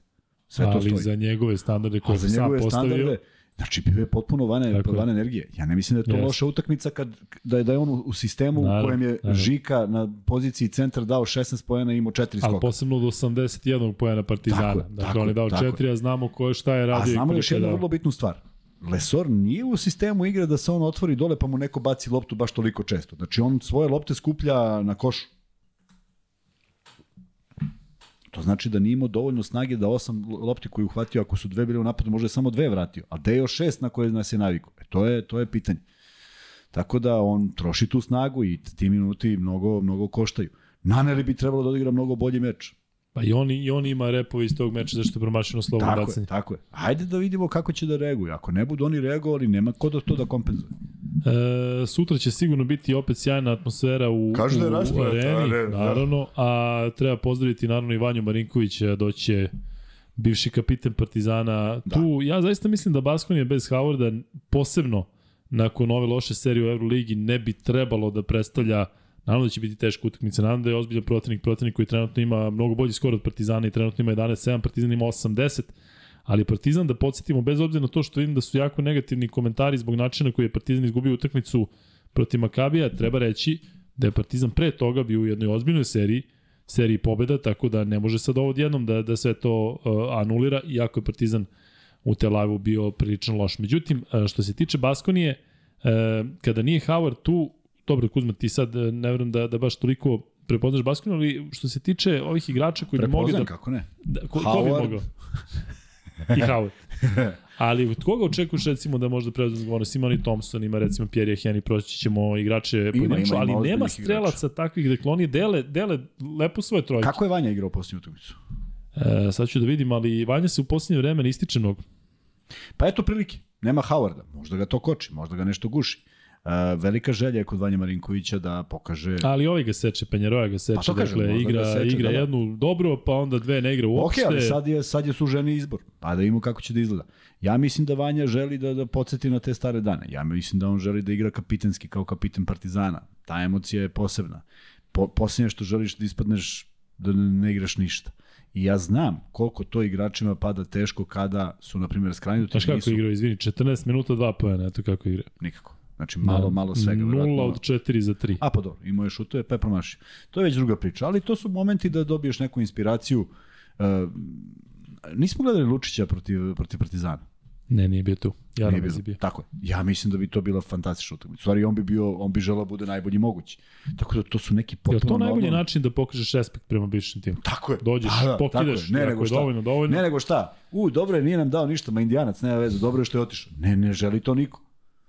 Želiš da pokažeš baš u tom klubu da si još uvek to što jesi. Zašto nikad ne znaš da li to može se okrene pa da se vratiš. To što ljudi to isključuju. Evo, svedoci smo u dve godine povratka ozbiljnih imena i dolaska neverovatnih imena i u Partizan i u Zvezdu. Prema tome, nemoj da isključujemo ništa i potpuno je normalno da tamo da si ponikao želiš da ostaviš taj utisak da da nisi, da nisi zaboravio da igraš, da si ti profesionalac, da voliš, ali voliš ga tako što ga respektuješ i, i igraš najbolju utakmicu. E, Baskon je dakle u toj mini seriji poraza u Euroligi, ali je u posljednjem kolu pobedila Valenciju u ACB ligi. Vanja Marinković nije bio u, u, U u tom meču u sastavu, a e, već sam govorio i ranije, ovaj trener Penjeroja je došao iz Valencije, tako da dobro poznaje tu ekipu i ako se sećate na početku sezone, Baskon je upravo, upravo otvorila Euroligu e, pobedom protiv da, Valencije. protiv Valencije u gostima. U gostima. Tako je, na strani. Što se tiče same Baskonije i same ekipe, Kuzma, možeš malo da se dopisuješ, ja ću opet da prođem Ne, ne, njihove slušam te igrače. ja, pa pojedin- kako ne, ne, pa, ja ali slušam znaš, sve što to je ovaj period kada ja prođem Pa ja igrače pojedinačno. slušam sve što ti pomisliš. Dakle, petorka koja je počela protiv Bajana je Inok, Gidritis, Holmes, Marinković i Thompson. E, Darius Thompson je nezgodna vrsta playmakera, dakle on je onako vižljast, e, vrlo pokretan, može da pogodi za tri, e, atipičan Amerikanac. Kada uđe Pierre Henry, on mi je, čini mi se da je veći potrošač lopti, jako je naravno i on dobar asistent, ali drugačije izgleda igra kada je Thompson play i kada je Henry play. E, Vanja Marinković je počeo taj meč, ali rekli smo nije igrao mnogo. Ovaj Holmes može da pogodi, ali meni ničim me ne oduševljava, čak čini mi se da on po inteligenciji nije nešto preterano tamo da se ističe u Baskoni. Gidreitis je neko ko je vrlo nezgodan, Kuzma Rokas Gidreitis koji je Jest, vremeno igrao jest, i jest. u svim ekipama u kojima je igrao, a protiv Jest. Partizana igrao je dobro. On ide od Vrlo koša, on ide od koša, primi loptu, šutne i da to, to, to neverovatno Njega će kako on čuvati izgleda vjerojatno tako. pa, pa Petru i to će biti vrlo interesantno. Vrlo između njih moguće. Treba biti obazriv, zato što on ima te dobre prodore, nije on nešto kreativan da će onda nađe neku asistenciju da podvali Da. da. ispod miške, ali on vidi, ima dobar pregled igre i zaista ako dobije priliku da ostane malo sam, on šutira e, vrlo interesantno da on nekada deluje vrlo nestabilno, kao da šutira sa nogama spojenim, Jeste, što je obično, jeste, jeste. obično Još jako teško. I još malo se u stranu. baci, da. Tu kad izbaci, to vidiš da, da ona leti prema košu, tako da jeste nezgodan. E, njihovi centri su interesantni. Dakle, ovaj Inok e, je možda neko ko jedini ne može da pogodi za tri, odnosno malo šutira, ali je vrlo snažan. Međutim, ovaj Costello, koji igra kao... On zna da podbaci do imbecilnosti, a zna jest, da pogodi, jest, to je nevjerovatno. On ima ponekada pot, poluretardirane poteze, e, bukvalno da, da neshvatljive, radi tu. Da. ali čovjek kada uđe u seriju jednostavno voli da šutne trojku i može da pogodi. Prenosio sam mečeve gde je pogađao po 5-6 trojki, tako da je jedan nepredvidiv igrač pre svega, ali ovaj Mike Hotzer mi se mnogo dopada. Njegova tranzicija od momka koji je bio prilično nepoznat, ajde da kažem, pa do, do on je bio MVP prvog kola. A to mu je bio prvi, prvi, prvi meč u Euroligi, odigrao jako dobro na Evropskom prvenstvu za Estoniju, jako su ispali u prvoj fazi, tako da Kocar sutra atipičan je centar, inteligentan je. Vidjet ćemo kako će se nositi sa Lesorom i sa ovim uh, visokim igračima. Pierre je Henry, nezgodan igrač koji je u stanju, jedan od malobrnih koji je u stanju da dođe do triple-double učinka, ali ja realno ne volim Pierre Henrya, dakle pamtim ga još Ne pa ne volim. Pa da, ne volim ga nije. Pamtim ga kad je bio Tvoj, šutofaš, tvoj neprijatelj je i moj neprijatelj. ali znaš šta se dešavalo? Dešavalo se da, kažem ti, vodi ekipa četiri razlike, da je 50 sekundi do kraja da on uzima šut u, u, petoj sekundi napada. Dakle, neke stvari koje su onako potpuno e, nerealne za, za, za, za nekog ozbiljnog playmakera. Dobro igra u Fenerbahču, pokušao je ovog leta da dođe do NBA ligi, nije dobio ugovor, vratio se u Baskoniju koji je već odigrao jednu sezonu, ali može da bude opasan. Imamo tu još e, ovog Dijeza koji malo igra, on je jedini španac u, u španskom timu, znaš Kuzma? Da, to si Diaz. prokomentarisao Pritom, prošli put. pritom nekada nije ni u 12. Nije, nije, ni uopšte ne. Tako da eto, kada govorimo o domaćim igračima, Jeste. to stalno skrećete pažnju što se tiče Partizana. I eto, koga još tu možemo da pomenemo, ovaj Sedekerski slitvanac, e, mm, ničim ne bi trebalo da ugrozi Partizan, tako da bez Howarda, Baskonija koji Partizan duguje u punoj areni, taj meč jednostavno mora da se dobije. I kraj priče, ja očekujem da sutra pričamo o pobedi Partizana u podcastu i, i to je u suštini to. Tu je ovaj brat e, Kuruca, ovog Kuruca koji je u Partizanu bio loš, on u suštini igra malo uh, i to je to što se tiče Baskonije. Mislim da bi moglo da bude jako bitna i ta razlika uh, u trenerskom smislu. Joan Penjeroja je očigledno ozbiljan trener, ali je prva njegova evroligaška sezona, igra protiv čoveka koji je osvojio devet evroligaških titul. Tako, Tako tako da tako i to je. mislim da je, da je ozbiljna razlika, A- ako očigledno nije bila razlika u prvom meču. Jeste, ali, ali dobro vodi svoju ekipu. Vodi odlično. On sve to dobro radi i Baskonija... Izvini, ja očekujem da Baskonija padne. Ja ne vidim da Baskonija, dakle oni žive od šuta za 3 poena Pa, i žive na, na, na klima Howarda koji tako, je... znaš, dosta ekipa. Evo ti, A evo ti, cela sezona u znam, slažem se, ali evo Makabi je živi na šutu za 3 poena. I preživjeli utakmicu. Ničim izazvano je su je preživjeli. Dakle, koliko god, šta god da Baskonija radi, Partizan mora bude na, na nivou. To je poenta. Ne da očekuju igrači Da. da. Partizana da Baskonija padne. Nema, nema nikakve svrhe, kao u, sad ćemo mi. Nego igraš, moraš neke stvari da podigneš na više nivo. I to nekako mi se čini da ide gore dole. Ima utakmica da izgleda sjajno, ima ta utakmica protiv Makabija koja se igrala u Beogradu, gde je Partizan gubio na poluvremenu, ako se ja dobro sećam, jedan poen. I onda je bilo jedno fantastično drugo defanzivno poluvreme. I Gde je za? Partizan? Makabi. Ovde u Beogradu? Beogradu. Da, bilo je 50-49 Jel na. Pa da. I onda, je, I onda je odjednom iz defanzive proisteklo sve dobro. To je nedostajalo. Dakle, kao što Zvezda zavisi kako startuje utakmicu i kakav je ta energija, tako to zavisi i kod Partizana. A sećaš se da smo pričali kako je Partizan jako dobro defanzivno otvorio protiv Baskoni, bilo nešto 21-13 na Tako prvom meču. cijelu utakmicu su I kontrolisali. onda su ovi krenuli da se Tako. dižu, trojka, trojka, trojka, trojka. Ali ipak si pod kontrolom i do samog kraja si pod kontrolom i gubiš, gubiš na produžetke zbog, Da. zbog gluposti. To je baš bolan poraz Jest. Jest. Partizana. Jeste, Ali nije što je bolan, nije što je on, da je on prevaziđen sledeću utakmicu, pa ajde. Da, nego nego, nego poveo u seriju neku. E, tako je. E, Vanček, možda ugasiš ovaj pol? Vreme je da lagano privodimo ovaj podcast kraju. Sa vama smo već e, skoro dva i po sata. Luka Vildosa 68%, Markus Williams 31%. pa sad, naravno. 1300 ljudi je lajkovalo, odnosno glasalo. A kad smo već kod lajkova, evo 1,4 hiljade. Možda se vidi Vanče koliko je tačno lajkova, a? Ne mogu ni ja da vidim. Mislim, Ne, ali to ili ima negde, a? Da imamo koliko nam fali. Evo. Ovaj, ali čim bude 1500 lajkova, odmah uh, ispucavamo i uh, sledeći free bet. Mm, Kuzma, još nešto oko Partizana i Baskoni ili imamo da, da Igor kažemo? Ivanov nas pozdravlja iz Bugarske. Ovo je vrlo interesantno je. Šta vidim da si Pa, tu za uživao Da, zato što, zato što, ovaj, zato što ne znam koliko si imao prilike da pričaš, stvarno se razume dosta i oni uživaju u ovome što mi pričamo. Dakle, mi nemamo... Misliš da, da se razumiju Da, da, jezički? prilično tako, pa dobro da. razumeju, da. I sad, pazi, ovo je ipak fora, mi, mi van regiona nismo ni razmišljali da neko može da Jeste, gleda. da. Hvala veliko na, na, na, na ovaj... Javljajte se, da, pa ćemo da, da, ovaj, da komentarišemo malo i Bugarsku ligu. Pratio sam to i pratim i dalje šta se sve dešava. Vidimo da u CSKA Sofiji ima svega i svačega dobrih igrača. Uh, sad pa čak smo pominjali ovog jednog koji je u dobroj formi i koji zakucava ko lud kako može da igra na nekom ozbiljnom nivou. Levski e, se pojavljuje par puta, ali e, sećam se, bu, bugarsko prvenstvo je bilo interesantno pre neki desete godine kad su neki drugari ili tamo, sad u poslednje vreme ne pratim toliko, ali eto, možda, možda u nekom trenutku propričamo malo i o bugarskoj košaci, Da.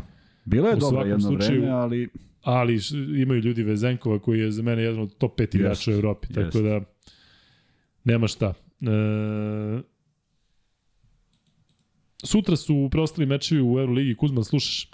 Sve. Valencija, to ne deluje da će biti neki meč da ćemo da svi padamo u nesvest. Panathinaikos Maccabi, Barcelona Efes, derbi i Armani Žalgiris. Šta je dobro za Zvezdu Kuzma u tom meču da se desi? Da Žalgiris dobije ili izgubi? da Žalgiris izgubi. Da Žalgiris izgubi bez obzira što će onda juriti posebno pobedu. Ali ta pobeda, ta, ta utakmica protiv Zvezde neće izostajati. Ta želja da se pobedi Zvezda, pogotovo što smo, kažem, negde slični, oni nas doživljavaju da slično koncipiramo ekipe i neki rivalitet postoji, bez obzira što je Žalgiris imao malo više uspeha u posljednjim godinama, ali oni tvrde da su da je to nacionalni sport Litvanije, mi tvrdimo da je ovo nacionalni sport Srbije, bojim se da nije, iz prostog razloga što taj futbol uvek nekako pobedi, bez obzira na sve rezultate. Žal, Litvanci nisu imali približno naše rezultate kroz istoriju, ali su se opredelili za taj sport. Ja kad sam bio, imali smo prvenstvo Evrope za U16, pitao sam, pošto smo se vozili često, domaćini su bili vrlo ljubazni, pričamo gde su futbolski treneri, kažu koji, fu, koji futbolski treneri. Dakle, stvarno je to jedina zemlja u kojoj je futbol skrajnut da, da postoji da bi postojao, ne da bi neko profesionalno igrao. Tako da, ovaj, šta god da Žalgiris da uradi, tražit će pobedu protiv Zvezde, jer to može da bude vrlo bitna utakmica koja će... Koliko je Zvezda igrala protiv njih? Protiv Žalgirisa? Znaš rezultat? Ovde u Beogradu? Ono bilo šta je bilo, 79, 74, tako nešto. Pet, Pet razlika. Pa, pa, pa do, i to treba voditi računa. Dakle, ta završnica može da bude vrlo interesantna. E, sad, mi, sad me teraš da ovde ne nagađam, nego da, da moram da vidim. Pa ja mislim da Vraća se se spremiš za ovo. Ja mislim da se treba se spremiš za ovu emisiju. Po svaku po svaku cenu on mora ovaj, da, da vrati na zvezdu. Da, nespreman sam ušao, moram priznati. Žalgiri zvezda, 77-73. Si zadovoljan? 4 plus 4 yes, za zvezdu. Zadovoljan sam. Znači, o tome treba voditi računa. Ovo je sad utakmica koja, koja treba da bude, da se vodi računa i o tome. E, dakle, to je to što se tiče Evrolige, što se tiče svega. Pričali smo danas više o Zvezdi i sutra ćemo pričati više o Partizanu kada bude završen taj meč proti Baskoni. Najavit ćemo naravno i ABA ligu. Evo malo o NBA ligi, a ja ću onda da se, na, na, pošto ne stižemo sada i Vanja umoran i uskoro moramo da završavamo, e, ja ću definitivno da, da se nakačim na ovaj, e, na šta god da je to, ta aplikacija ili gde, da napravimo jedan NBA tim, da onda Kuzma kada čita i ove timove, ali imaš telefon Marka Eremića, tako? Ili kontaktirate samo preko Instagrama? Mark Eremić je za fantasy. Ne, da. ne, preko Instagrama možemo da razmenimo telefon. Ali nek pošalje telefon, pa ako mi zatreba nešto, verovatno hoće da ga pitamo oko Aš. toga. Znam da tamo ima kod i šta treba. Znam da je čak i rekao prošli put, ako nešto treba da se pomogne, da mu se javimo, eto to ćemo raditi. Obećali smo u ovom podcastu, ali eto, između ovog i narednog ćemo da uradimo. A evo napisao je Mateja Bajić, kaže Baskon igrala utorak, a Partizan u sredu, da li to može da bude? Pa jeste prednost da imaš dan odmora, naravno, ali činjenica da nema najboljeg igrača. A to je malo čudno, to je zaista daje prednost kada je u duplom pa, kolu. Bilo je, bilo je nekoliko puta, bilo je nekoliko puta utorak jest. petak, da. I vidio si taj Monako igra u Beogradu, pa onda ode kući, pa dođe opet u Beograd. Kod da nisu mogli da nameste da, da Monako igra protiv Zvezdi i Partizana u Beogradu u dva dana, odnosno u jednoj toj paklenoj nelji. Ne slažeš se sa mnom, a? E, slažem se. Priznaj, nemaš pojma šta sam rekao. za igranje u, are, u ovaj, ne za igranje u Pa da onako mogu da ostanu u Beogradu da tri dana i da, da igraju Partizan da i Zvezda, ne da ode kući Ali da vidiš, da mi pričamo često o tome zašto Zvezda i Partizan ne dobiju onako, a u suštini ne znaš ni koliko je dobro kad odu na Barcelona Real, to baš nije toliko zdravo, ili da odu FS Fenerbahče. Da, da. Međutim, stvarno je neverovatno da je Monako u, u, u, u dve nedelje u Beogradu. Da, da. I e, vreme je za treći free bet. E, Koliko ima live? Koliko ima? Da im da li ćemo damo taj free bet? 3080. Može. Može?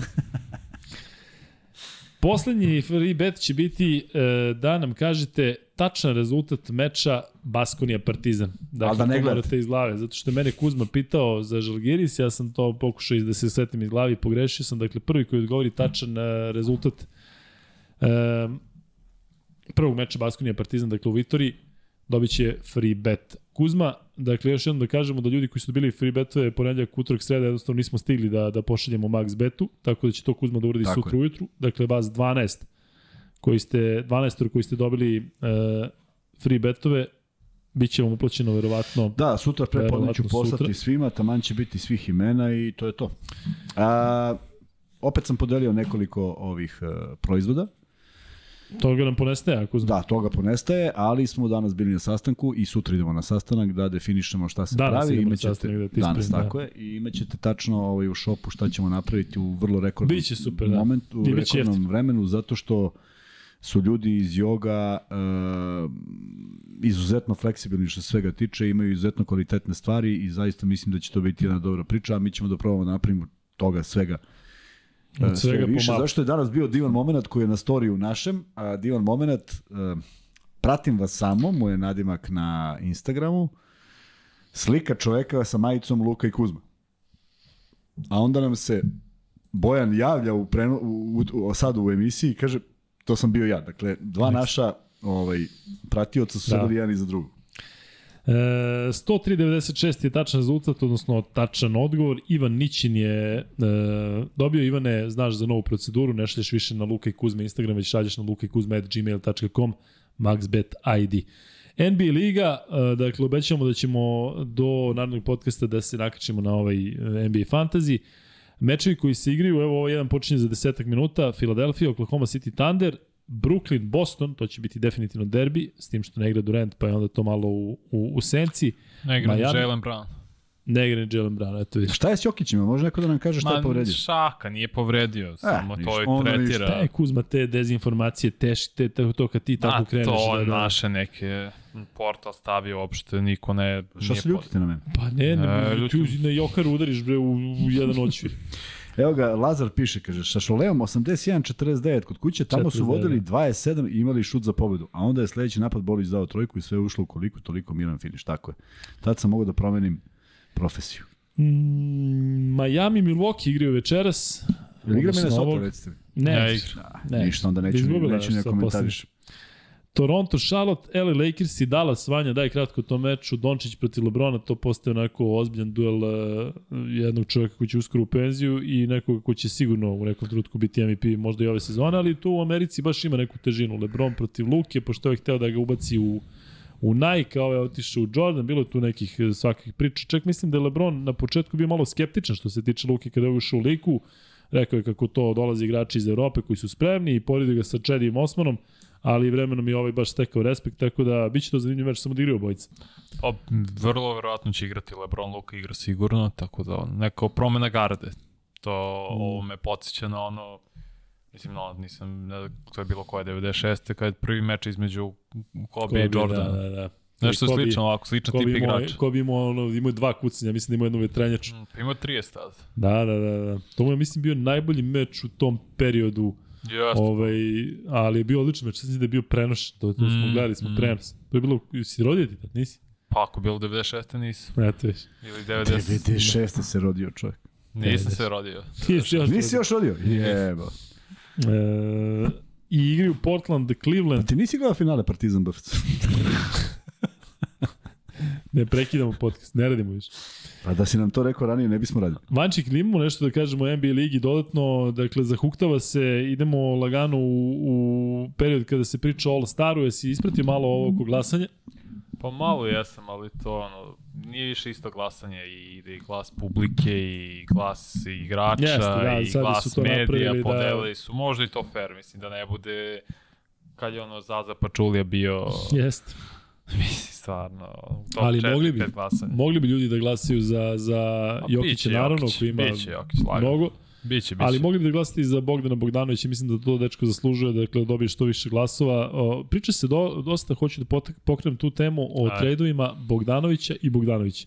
Bojan je bio vrlo atraktivan, čak se pričalo o tome da bi mogao u Lakerse za neke pikove, pa je to valjda propalo, pa je onda Lebron rekao kako, ne znam, nešto je bio onako ljut, ali Bogdan isto je zreo za trade. Jeste, da ste to rekao i koliko prošle nedelje, kad je bilo, ja bih volao da odu Clippers, da ga trade u Clippers. Je to nešto što, si, što, što se možda pričalo, pisalo ili to je tvoje to nešto? je nešto moje zamisel, mislim da se super tamo uklo, uklopio u Milwaukee isto, neki tim koji je ozbiljan konkurent za, u play-offu. Ne Ja bih volio da ga vidimo u Lakersima iskreno. Ja, zato što je to ipak jedna od najboljih franšiza koja će se boriti za bar play-in, a ne. Lakersi nemaju šutera. Ovaj Reeves je tamo jedini čovjek koji je, ajde da kažem, neki šuter. Ko je tamo šuter? Pa imaš Beverly, Niko, Westbrooka. Niko. Uh, Westbrook igra super s klupe, iskreno. Ma igra super, super. slupe, čovjek kad šutne trojku, bre, ovi iz prvog reda moraju da se saginju. E, pa ne, ozbiljno, pazi, Westbrook, e, ko Nije pazi, šuter. Jeste. LeBron James. Nemaš ti tu nekoga ko kažeš, brate, Pa, šuter. Lebron on ima no, bloker. noći kad ga hoće, A onda ima, ga hoće. ima, ali nemaju čistog šutera da Nemaju kažeš, brate, neko je u čošku ili je na 45 i čeka i kada primi prangija. Evo je, ali mislim da video. Lakersi ne idu, nemaju gde da idu i ne bi volao. Neki ozbiljniji tim bi, stvarno bi volao da vidim Bogdana. Ja bih volio da vidim u Lakersima. Ne vidim da je Atlanta u, na istoku Atlanta mnogo grozna. konkurentniji, konkurentnija nego, nego Lakersi na, na, Pa i na nije, zapadu. to je sličan nivo. Jeste, da. Mislim, Atlanta je 9, a sad Lakers koji su 12, 13 Jeste. i 12, ali... Ali da li neko u Denveru razmišlja, kaže, brate, daj da dovedemo ovog Bogdana, ovo Ne Nikoli, razmišljaju ni o čemu. Ne, ne, ne razmišljaju o tome da su prvi na zapadu. Mislim, dele prvo mesto sa Memphisom, ali su prvi i ide im super. Zašto bi sad... Ne treba da menjaš dobru stvar. Kako dobru stvar, pa brate, imaju Pa MVP-a i... Pa dva je okej, prvi si ali na oni neće biti prvi na zapadu. Na Kako kraju. znaš? Dakle, 100% miliona Okej, biti. ko će biti prvi? Biće verovatno Memphis. Zato što me... Zašto? Pa me, evo, prvi Morant propušta meče. Često. propušta mečeve, ali Memphis jednostavno ima ekipu koja ima još mnogo prostora da, da, da ovo... Jokić u nekom trutku ne može bre sam da iznese celu sezonu. I kraj priče, on će u jednom trutku ne da padne, nego će možda samo malo statistički da, da ovo, evo, Denver ako bude prvi na zapadu, ja se šišam na ćelavu. Ali E, da budu može. prvi, i da budu prvi na zapadu, na kraju regularnog dela sezone, sigurno neće osvojiti titulu, niti će im dati, niti mogu s ovim timom, i opet smo ulazili one probleme, što je, kažem, skandal. Ne znam, mislim da ne slažem s time. Polako E, se popravljaju ti problemi. Ali- sad pool. Ali ne, pazi ovo. Kladionice, na žalost ili na sreću, mnogo bolje znaju od sve. Oni kad stave Euroviziju, kad stave ono politički nešto, oni ne vide Denver kao jednog favorita. Evo, kažeš prvi tim na zapad. I dalje ih ne vide kao jednog od, od favorita za titul. To je njihovo mišljenje. Ba i da li oni, ne kažem ti, oni ne rizikuju Meni u zapadu, nečim- meni na zapadu stvarno ne vidim ko je ispred Denvera trenutno. Memphis nije, pošto su bili očišćeni već od strane Denvera. Ja sve razumem regularna sezona i drugačije se igra, ali nemaju oni više iskustva u play-offu od uh, Denvera. Ja se ponovo vraćam na to da jednostavno uh, Jokić je najdominantniji igrač svih vremena. Prema mom mišljenju. Mm, Dobro, to, tu I evo, ja- ne, evo. ne idem toliko daleko. Ja, evo, ja sad tvrdim ovde da je Nikola Jokić najdominantniji igrač svih vremena. Dvostruki MVP, taj bož da bude i treći put MVP. I? Gde su bili do pre, pre šest meseci? Da kao bio povređen Svi Mari su i bili, Porter? top, bili pa, dva od top 3 igrača su ti povređeni. Eto ti je odgovor. Dobro. Ajde vidjet ćemo. Pa Daj pa da jest. igraš. Daj Ne, Bož da ni- Da, da, ne da Denver bude prvi, da igraju bar finale konferencije. Mislim da će igrati finale konferencije, jer Ajde. ni Zion više nije zdrav i on opet propušta mečeve, Davis nikad nije zdrav, Paul George i Kawhi to je, ako igraju zajedno, ovi skaču od veselja, nadam se da će biti Clippersi zdravi do play-offa, da je to neki Ali sam si plan. rekao, Clippersi se, te, Clippersi moje te viđenje. tiraju za playoff. To je moje viđenje, nadam se da je tako. I oni su, pored Denvera, najopasniji tim. Phoenix, boga piti šta oni rade. Ali Golden State Warriors, State, i- ako se ja, porave, Pa, oni su oporavljeni. Pa podljeni su Kari nije igrao, Kari je počeo da igra. počeo da igra, ali pauzirao i bez njega su bili neko vreme. Clay Thompson je tu odigrao nekoliko utakmica. Ja mislim da oni bre iskusno znaju tačno št- zašto se Luka imaju tri pobjede u gostima. tri pobede u Tri gostima, pobjede u ali gostima, vidjet a ćeš, koliko vidjet ćeš kad dođe playoff. Čekaj, samo baš, dođe baš me zanima koliko poraza imaju. Uh, konferencije. 3-16 je u gostima. 3-16. Ali da te pitam iskreno, imaš Ali iskreno da odgovoriš. najiskreniji. Golden State i Denver sada počinje playoff. Ko dobije? Denver. A, a ti znaš kad da ja, koliko se ja, su, ja sumnjam generalno, ne, mislim, nije Da. sumnjam u Jokića, ali ne, ne dižem ga toliko u nebesa. Samo ne želim da se razočaram kad dođe playoff i da vidim kako Jokić ispada od, od e, timova koji su bolji timovi, Ali po A čemu ti je pokazao Golden State da je ove godine bolji tim? Ništa ne radi bolje. da je ove godine bolji tim, nego jednostavno oni su godine. iskusni u play-offu, imaju igrače koji znaju kako se igraju te utakmice, ovde imaš e, moment kada će doći do divljašta. Jokić treba da bude neko ko ima, ja uzimam posljednji meč, da duše nije igrao posljednju četvrtinu. Opet, kažem ti, on igra, da, neću više ni da pričam, on čovjek ne šuta nijednu trojku, ovi šutiraju, s- Ali dobro, ali to je njegov izbor, to on mora da se nametne i postavi tako. Nije, Ma ne, da ose, se, više ose, za on, ne, moraju da ga prihvate da je najbolji svih nemaš- vremena potencijalno. Pa evo Michael Porter Jr. ga prvi uh, hvali. hvali. Hvale ga, je tako? Ozbiljno ga hvali. Hvale, pa nam da ga hvale, zamisli da ne hvališ On, igrača. ka, on kaže da je najbolji igrač u ligi. Ja ti opet kažem, kada oni i Mari igraju uh, ono uručenje ili kada igraju 2 na 2, Mari treba da bude taj koji će da traži Jokića posle ovoga, a ne da traži svoj šut, pa ako nije na dobrom šutu da ide dalje. I to kada Mari samo radi. Ja ti kažem, moj Bones Highland uzima čovjek po, po, po 10 trojki zna da šutne. Jednostavno mora da se zna, teško je kada imaš tako visoko igrača koji ti je praktično playmaker, jer, jer većina akcija ide od njega. Ja samo kažem, ja pripremam sebe na ovaj način da ovaj, kad Ne, dođe to- vreme, to da se ne to je. Denver. Ja razumem Golden State. Jesu ih prošle godine čistili 4 i to ljudi pišu, ali to je bilo prošle sezone. Da. Kad su bili zdravi Golden State Warriors, kad su bili uigrani i, u tan, i, i na sve strane kliktalo. Imali Da. su razvijenu hemiju, imali su i bolji, bolju klupu prošle godine nego sada. Dok, dok je Kari bio zdrav, ono pre povrede, klupa je ta, bila glavni razlog zašto on ne mogu se sastave. Nije prva petorka bila. I onda povrede po povrede i sad imaju 21, 22 ili koliko već. Da. 20 zapravo, 20, 21 imaju. 17, 5 ko- kod kuće, 3, 16 u gostima. Pazi, da banalizujem na stranu sada da li se prati NBA ili ne, ali znaš da je opšte mišljenje da je NBA i regularni deo sezona niko ne shvata ozbiljno i da su to opuštene utakmice Ja i da, da, sve. do All-Stara niko ne smeta ozbiljno. Tako je, ali ja mislim da je to jedan od razloga zašto Denver je sada prvi na tabelji, kad, tabeli, tabelji. Kada se uozbilje ekipe, onda ide haos. Da, ali Kuzma pa- se smeje, Kuzma se javlja, ne da završa. Šta nam Ne, ne, znaš ti, e, kad je poslednji put, uglavnom e, timovi koji svaju su top 10 i odbrani u napadu u regularnoj sezoni po statistici, je li tako? Jedini put bio i ovaj izuzetak 2001. Lakers jer su imali Kobe i Šeka pa je odbrana bila ono, Da. mislim oni iminci bili su 15. prosečna odbrana znači bila. Golden State ne igra tu odbranu ove godine. Možda će igrati, ali prošlo je 41 utakmica, i prošlo dve nedelje, pa ja sad izvlačim mišljenje nakon 7 utakmica. Ne, ne, sve te razumem, ali mislim da je u NBA ligi 41 jako bitno, prošao. jako bitno iskustvo. Ne iskustvo možda da imaš ti sad godine, ne znam čega, ali kad ti pogledaš, kada pogledaš Denverov tim, ko tu ima iskustvo nastupa u play-offu? Dakle, oni su najdalje došli u bablu, kada su odlično igli protiv Jute, bili... Šta šta? Sad ćemo ići po rosteru. Ajde, ajde, kažem ti, idemo po rosteru. Ko ima iskustvo ozbiljnih nastupa u play-offu? Računajući i trenera Majka Melona. Računajući i njegove pomoćnike.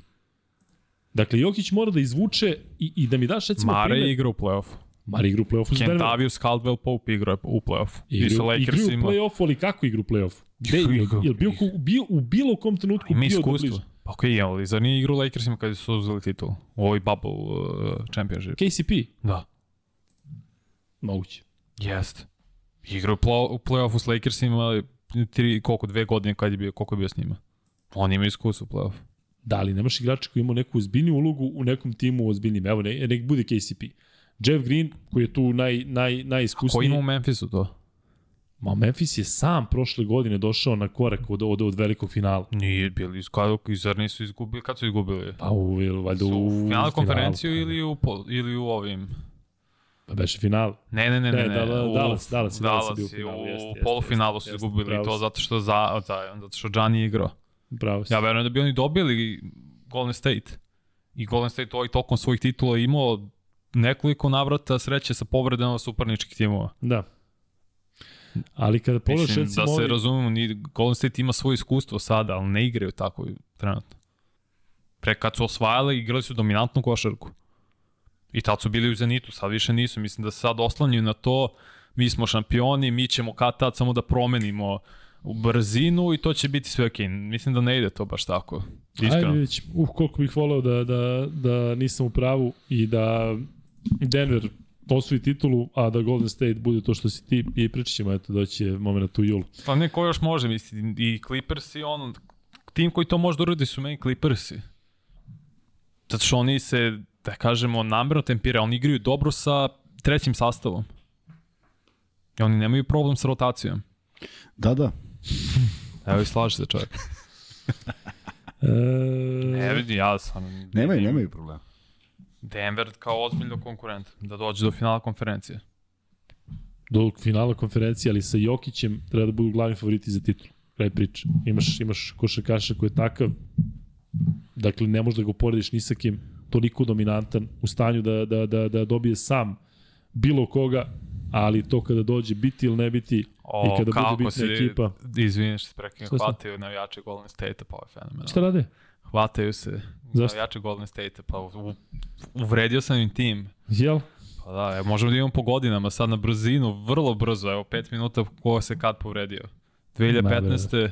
u finalu se povredio Irving, pre toga je bio Kemi Love, ja mislim da bi Cleveland dobio.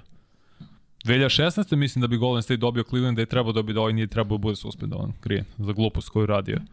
17. bih izbacio San Antonio da je ovaj debil od Pačulija. Pačulije nije namerno povredio Kawhi Leonard, jer su oli 25 razlike u tom momentu i oduvani su bili s terena. 2018. šta je bilo, oduvali su ove... Golden State je oduvao Cleveland, a ne znam setim da li je neko bio povređen. Nešto mi u Ovo su glavi. prva sezona Durenta. To je druga. Druga. Mislim da je to skroz... Malo dovoli su igra, ne, mislim da nije bilo... Da, ne mogu setiti šta je bilo. Mislim, ne, zaslužili su dve titule da uzmu svakako u tom periodu, ali sada da imali su i oni probleme s povredama 2019. kad su i ovaj i Clay i Durant se povredili. Ajde, ali mislim da bi Toronto dobio Deters. Tako da. E, ništa, ljudi, e, shvatili ste zaključak ovog podcasta, Kuzma ne voli Raduljicu, Vanja ne voli Golden State. Dakle, Tako to je, To su ovih dva i po sata, zaključci. Tako Da. jedini zaključci, znaš, ništa drugo nije. Ništa drugo, ali baš ne volimo onako. Znaš. Da, da, baš mrzi. Ne, nego sam real, e, Da, Chris revančić Paul zeznuti 2018. se povredio zadnju ložu, vodio Houston 3-2 u tom momentu. A bili su bolji tim. Houston je mogao da ih dobije te godine, u finalu. Koliko se sećam. Harden neće uzeti titulu E, da ga Harden staviš, neće uzeti da titulu. ga staviš, pa ne, on ne bi, ja mislim ni tad ne bi ih prošli. Da je zato što bi Harden šutirao u toj potencijalno sedmoj utakmici Ja jedan mislim od da bi, 91. jer nije bilo do Harden toliko, jer se ovaj povredio i otešla zadnja loža i tad su počeli da gube. Tako da, Kuzma voli Hardena, znam da voli. Pa njegovu ako nekog volim, to je on. Ovog Ali ne više- volim, a ovog volim. Ali bukvalno ljubav, ne Da, baš ljubav, nego da, baš... da, baš ono kad vidim ja...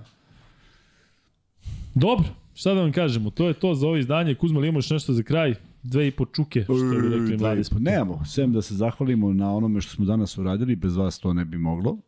Nismo mi neki heroji, osim što smo malo pogurali celu tu priču, a heroji ste vi koji ste se opredelili da donirate taj novac i da se tom dečku pomogne i stvarno se nadamo da će biti naš gost da, da, da, da ga ugostimo i da nam ispriča iz neke njegove vizure kako je sve to izgledalo. Njegov otac je presrećan, prezadovoljan i pokušat ćemo i njega da da samo čujemo da, da, da šta ima da kaže, ali u svakom slučaju lep dan i za nas u smislu toga što smo uradili, ponosni smo na to, u smislu nekih e, novina u našem studiju i našem podcastu. I treća stvar, jedna spektakularna utakmica, nadamo se da će i sutra biti slična takva, jer bi to onda upotpunilo ovu nedelju, s obzirom da je dupli program, s obzirom da smo mi poremetili šemu zbog druženja sa vama i ne žalimo se, prija I nam. da, da kažemo da ćemo uvek to raditi. Kad god duplo ćemo kolo, uvek, dogovorili da. smo se danas na sastanku, Da, imat ćemo i to dakle, je bila jedna od tema, god. tako je da imamo zeleno svetlo, mi ćemo naravno uvijek uskočiti za nešto što treba našim kolegama,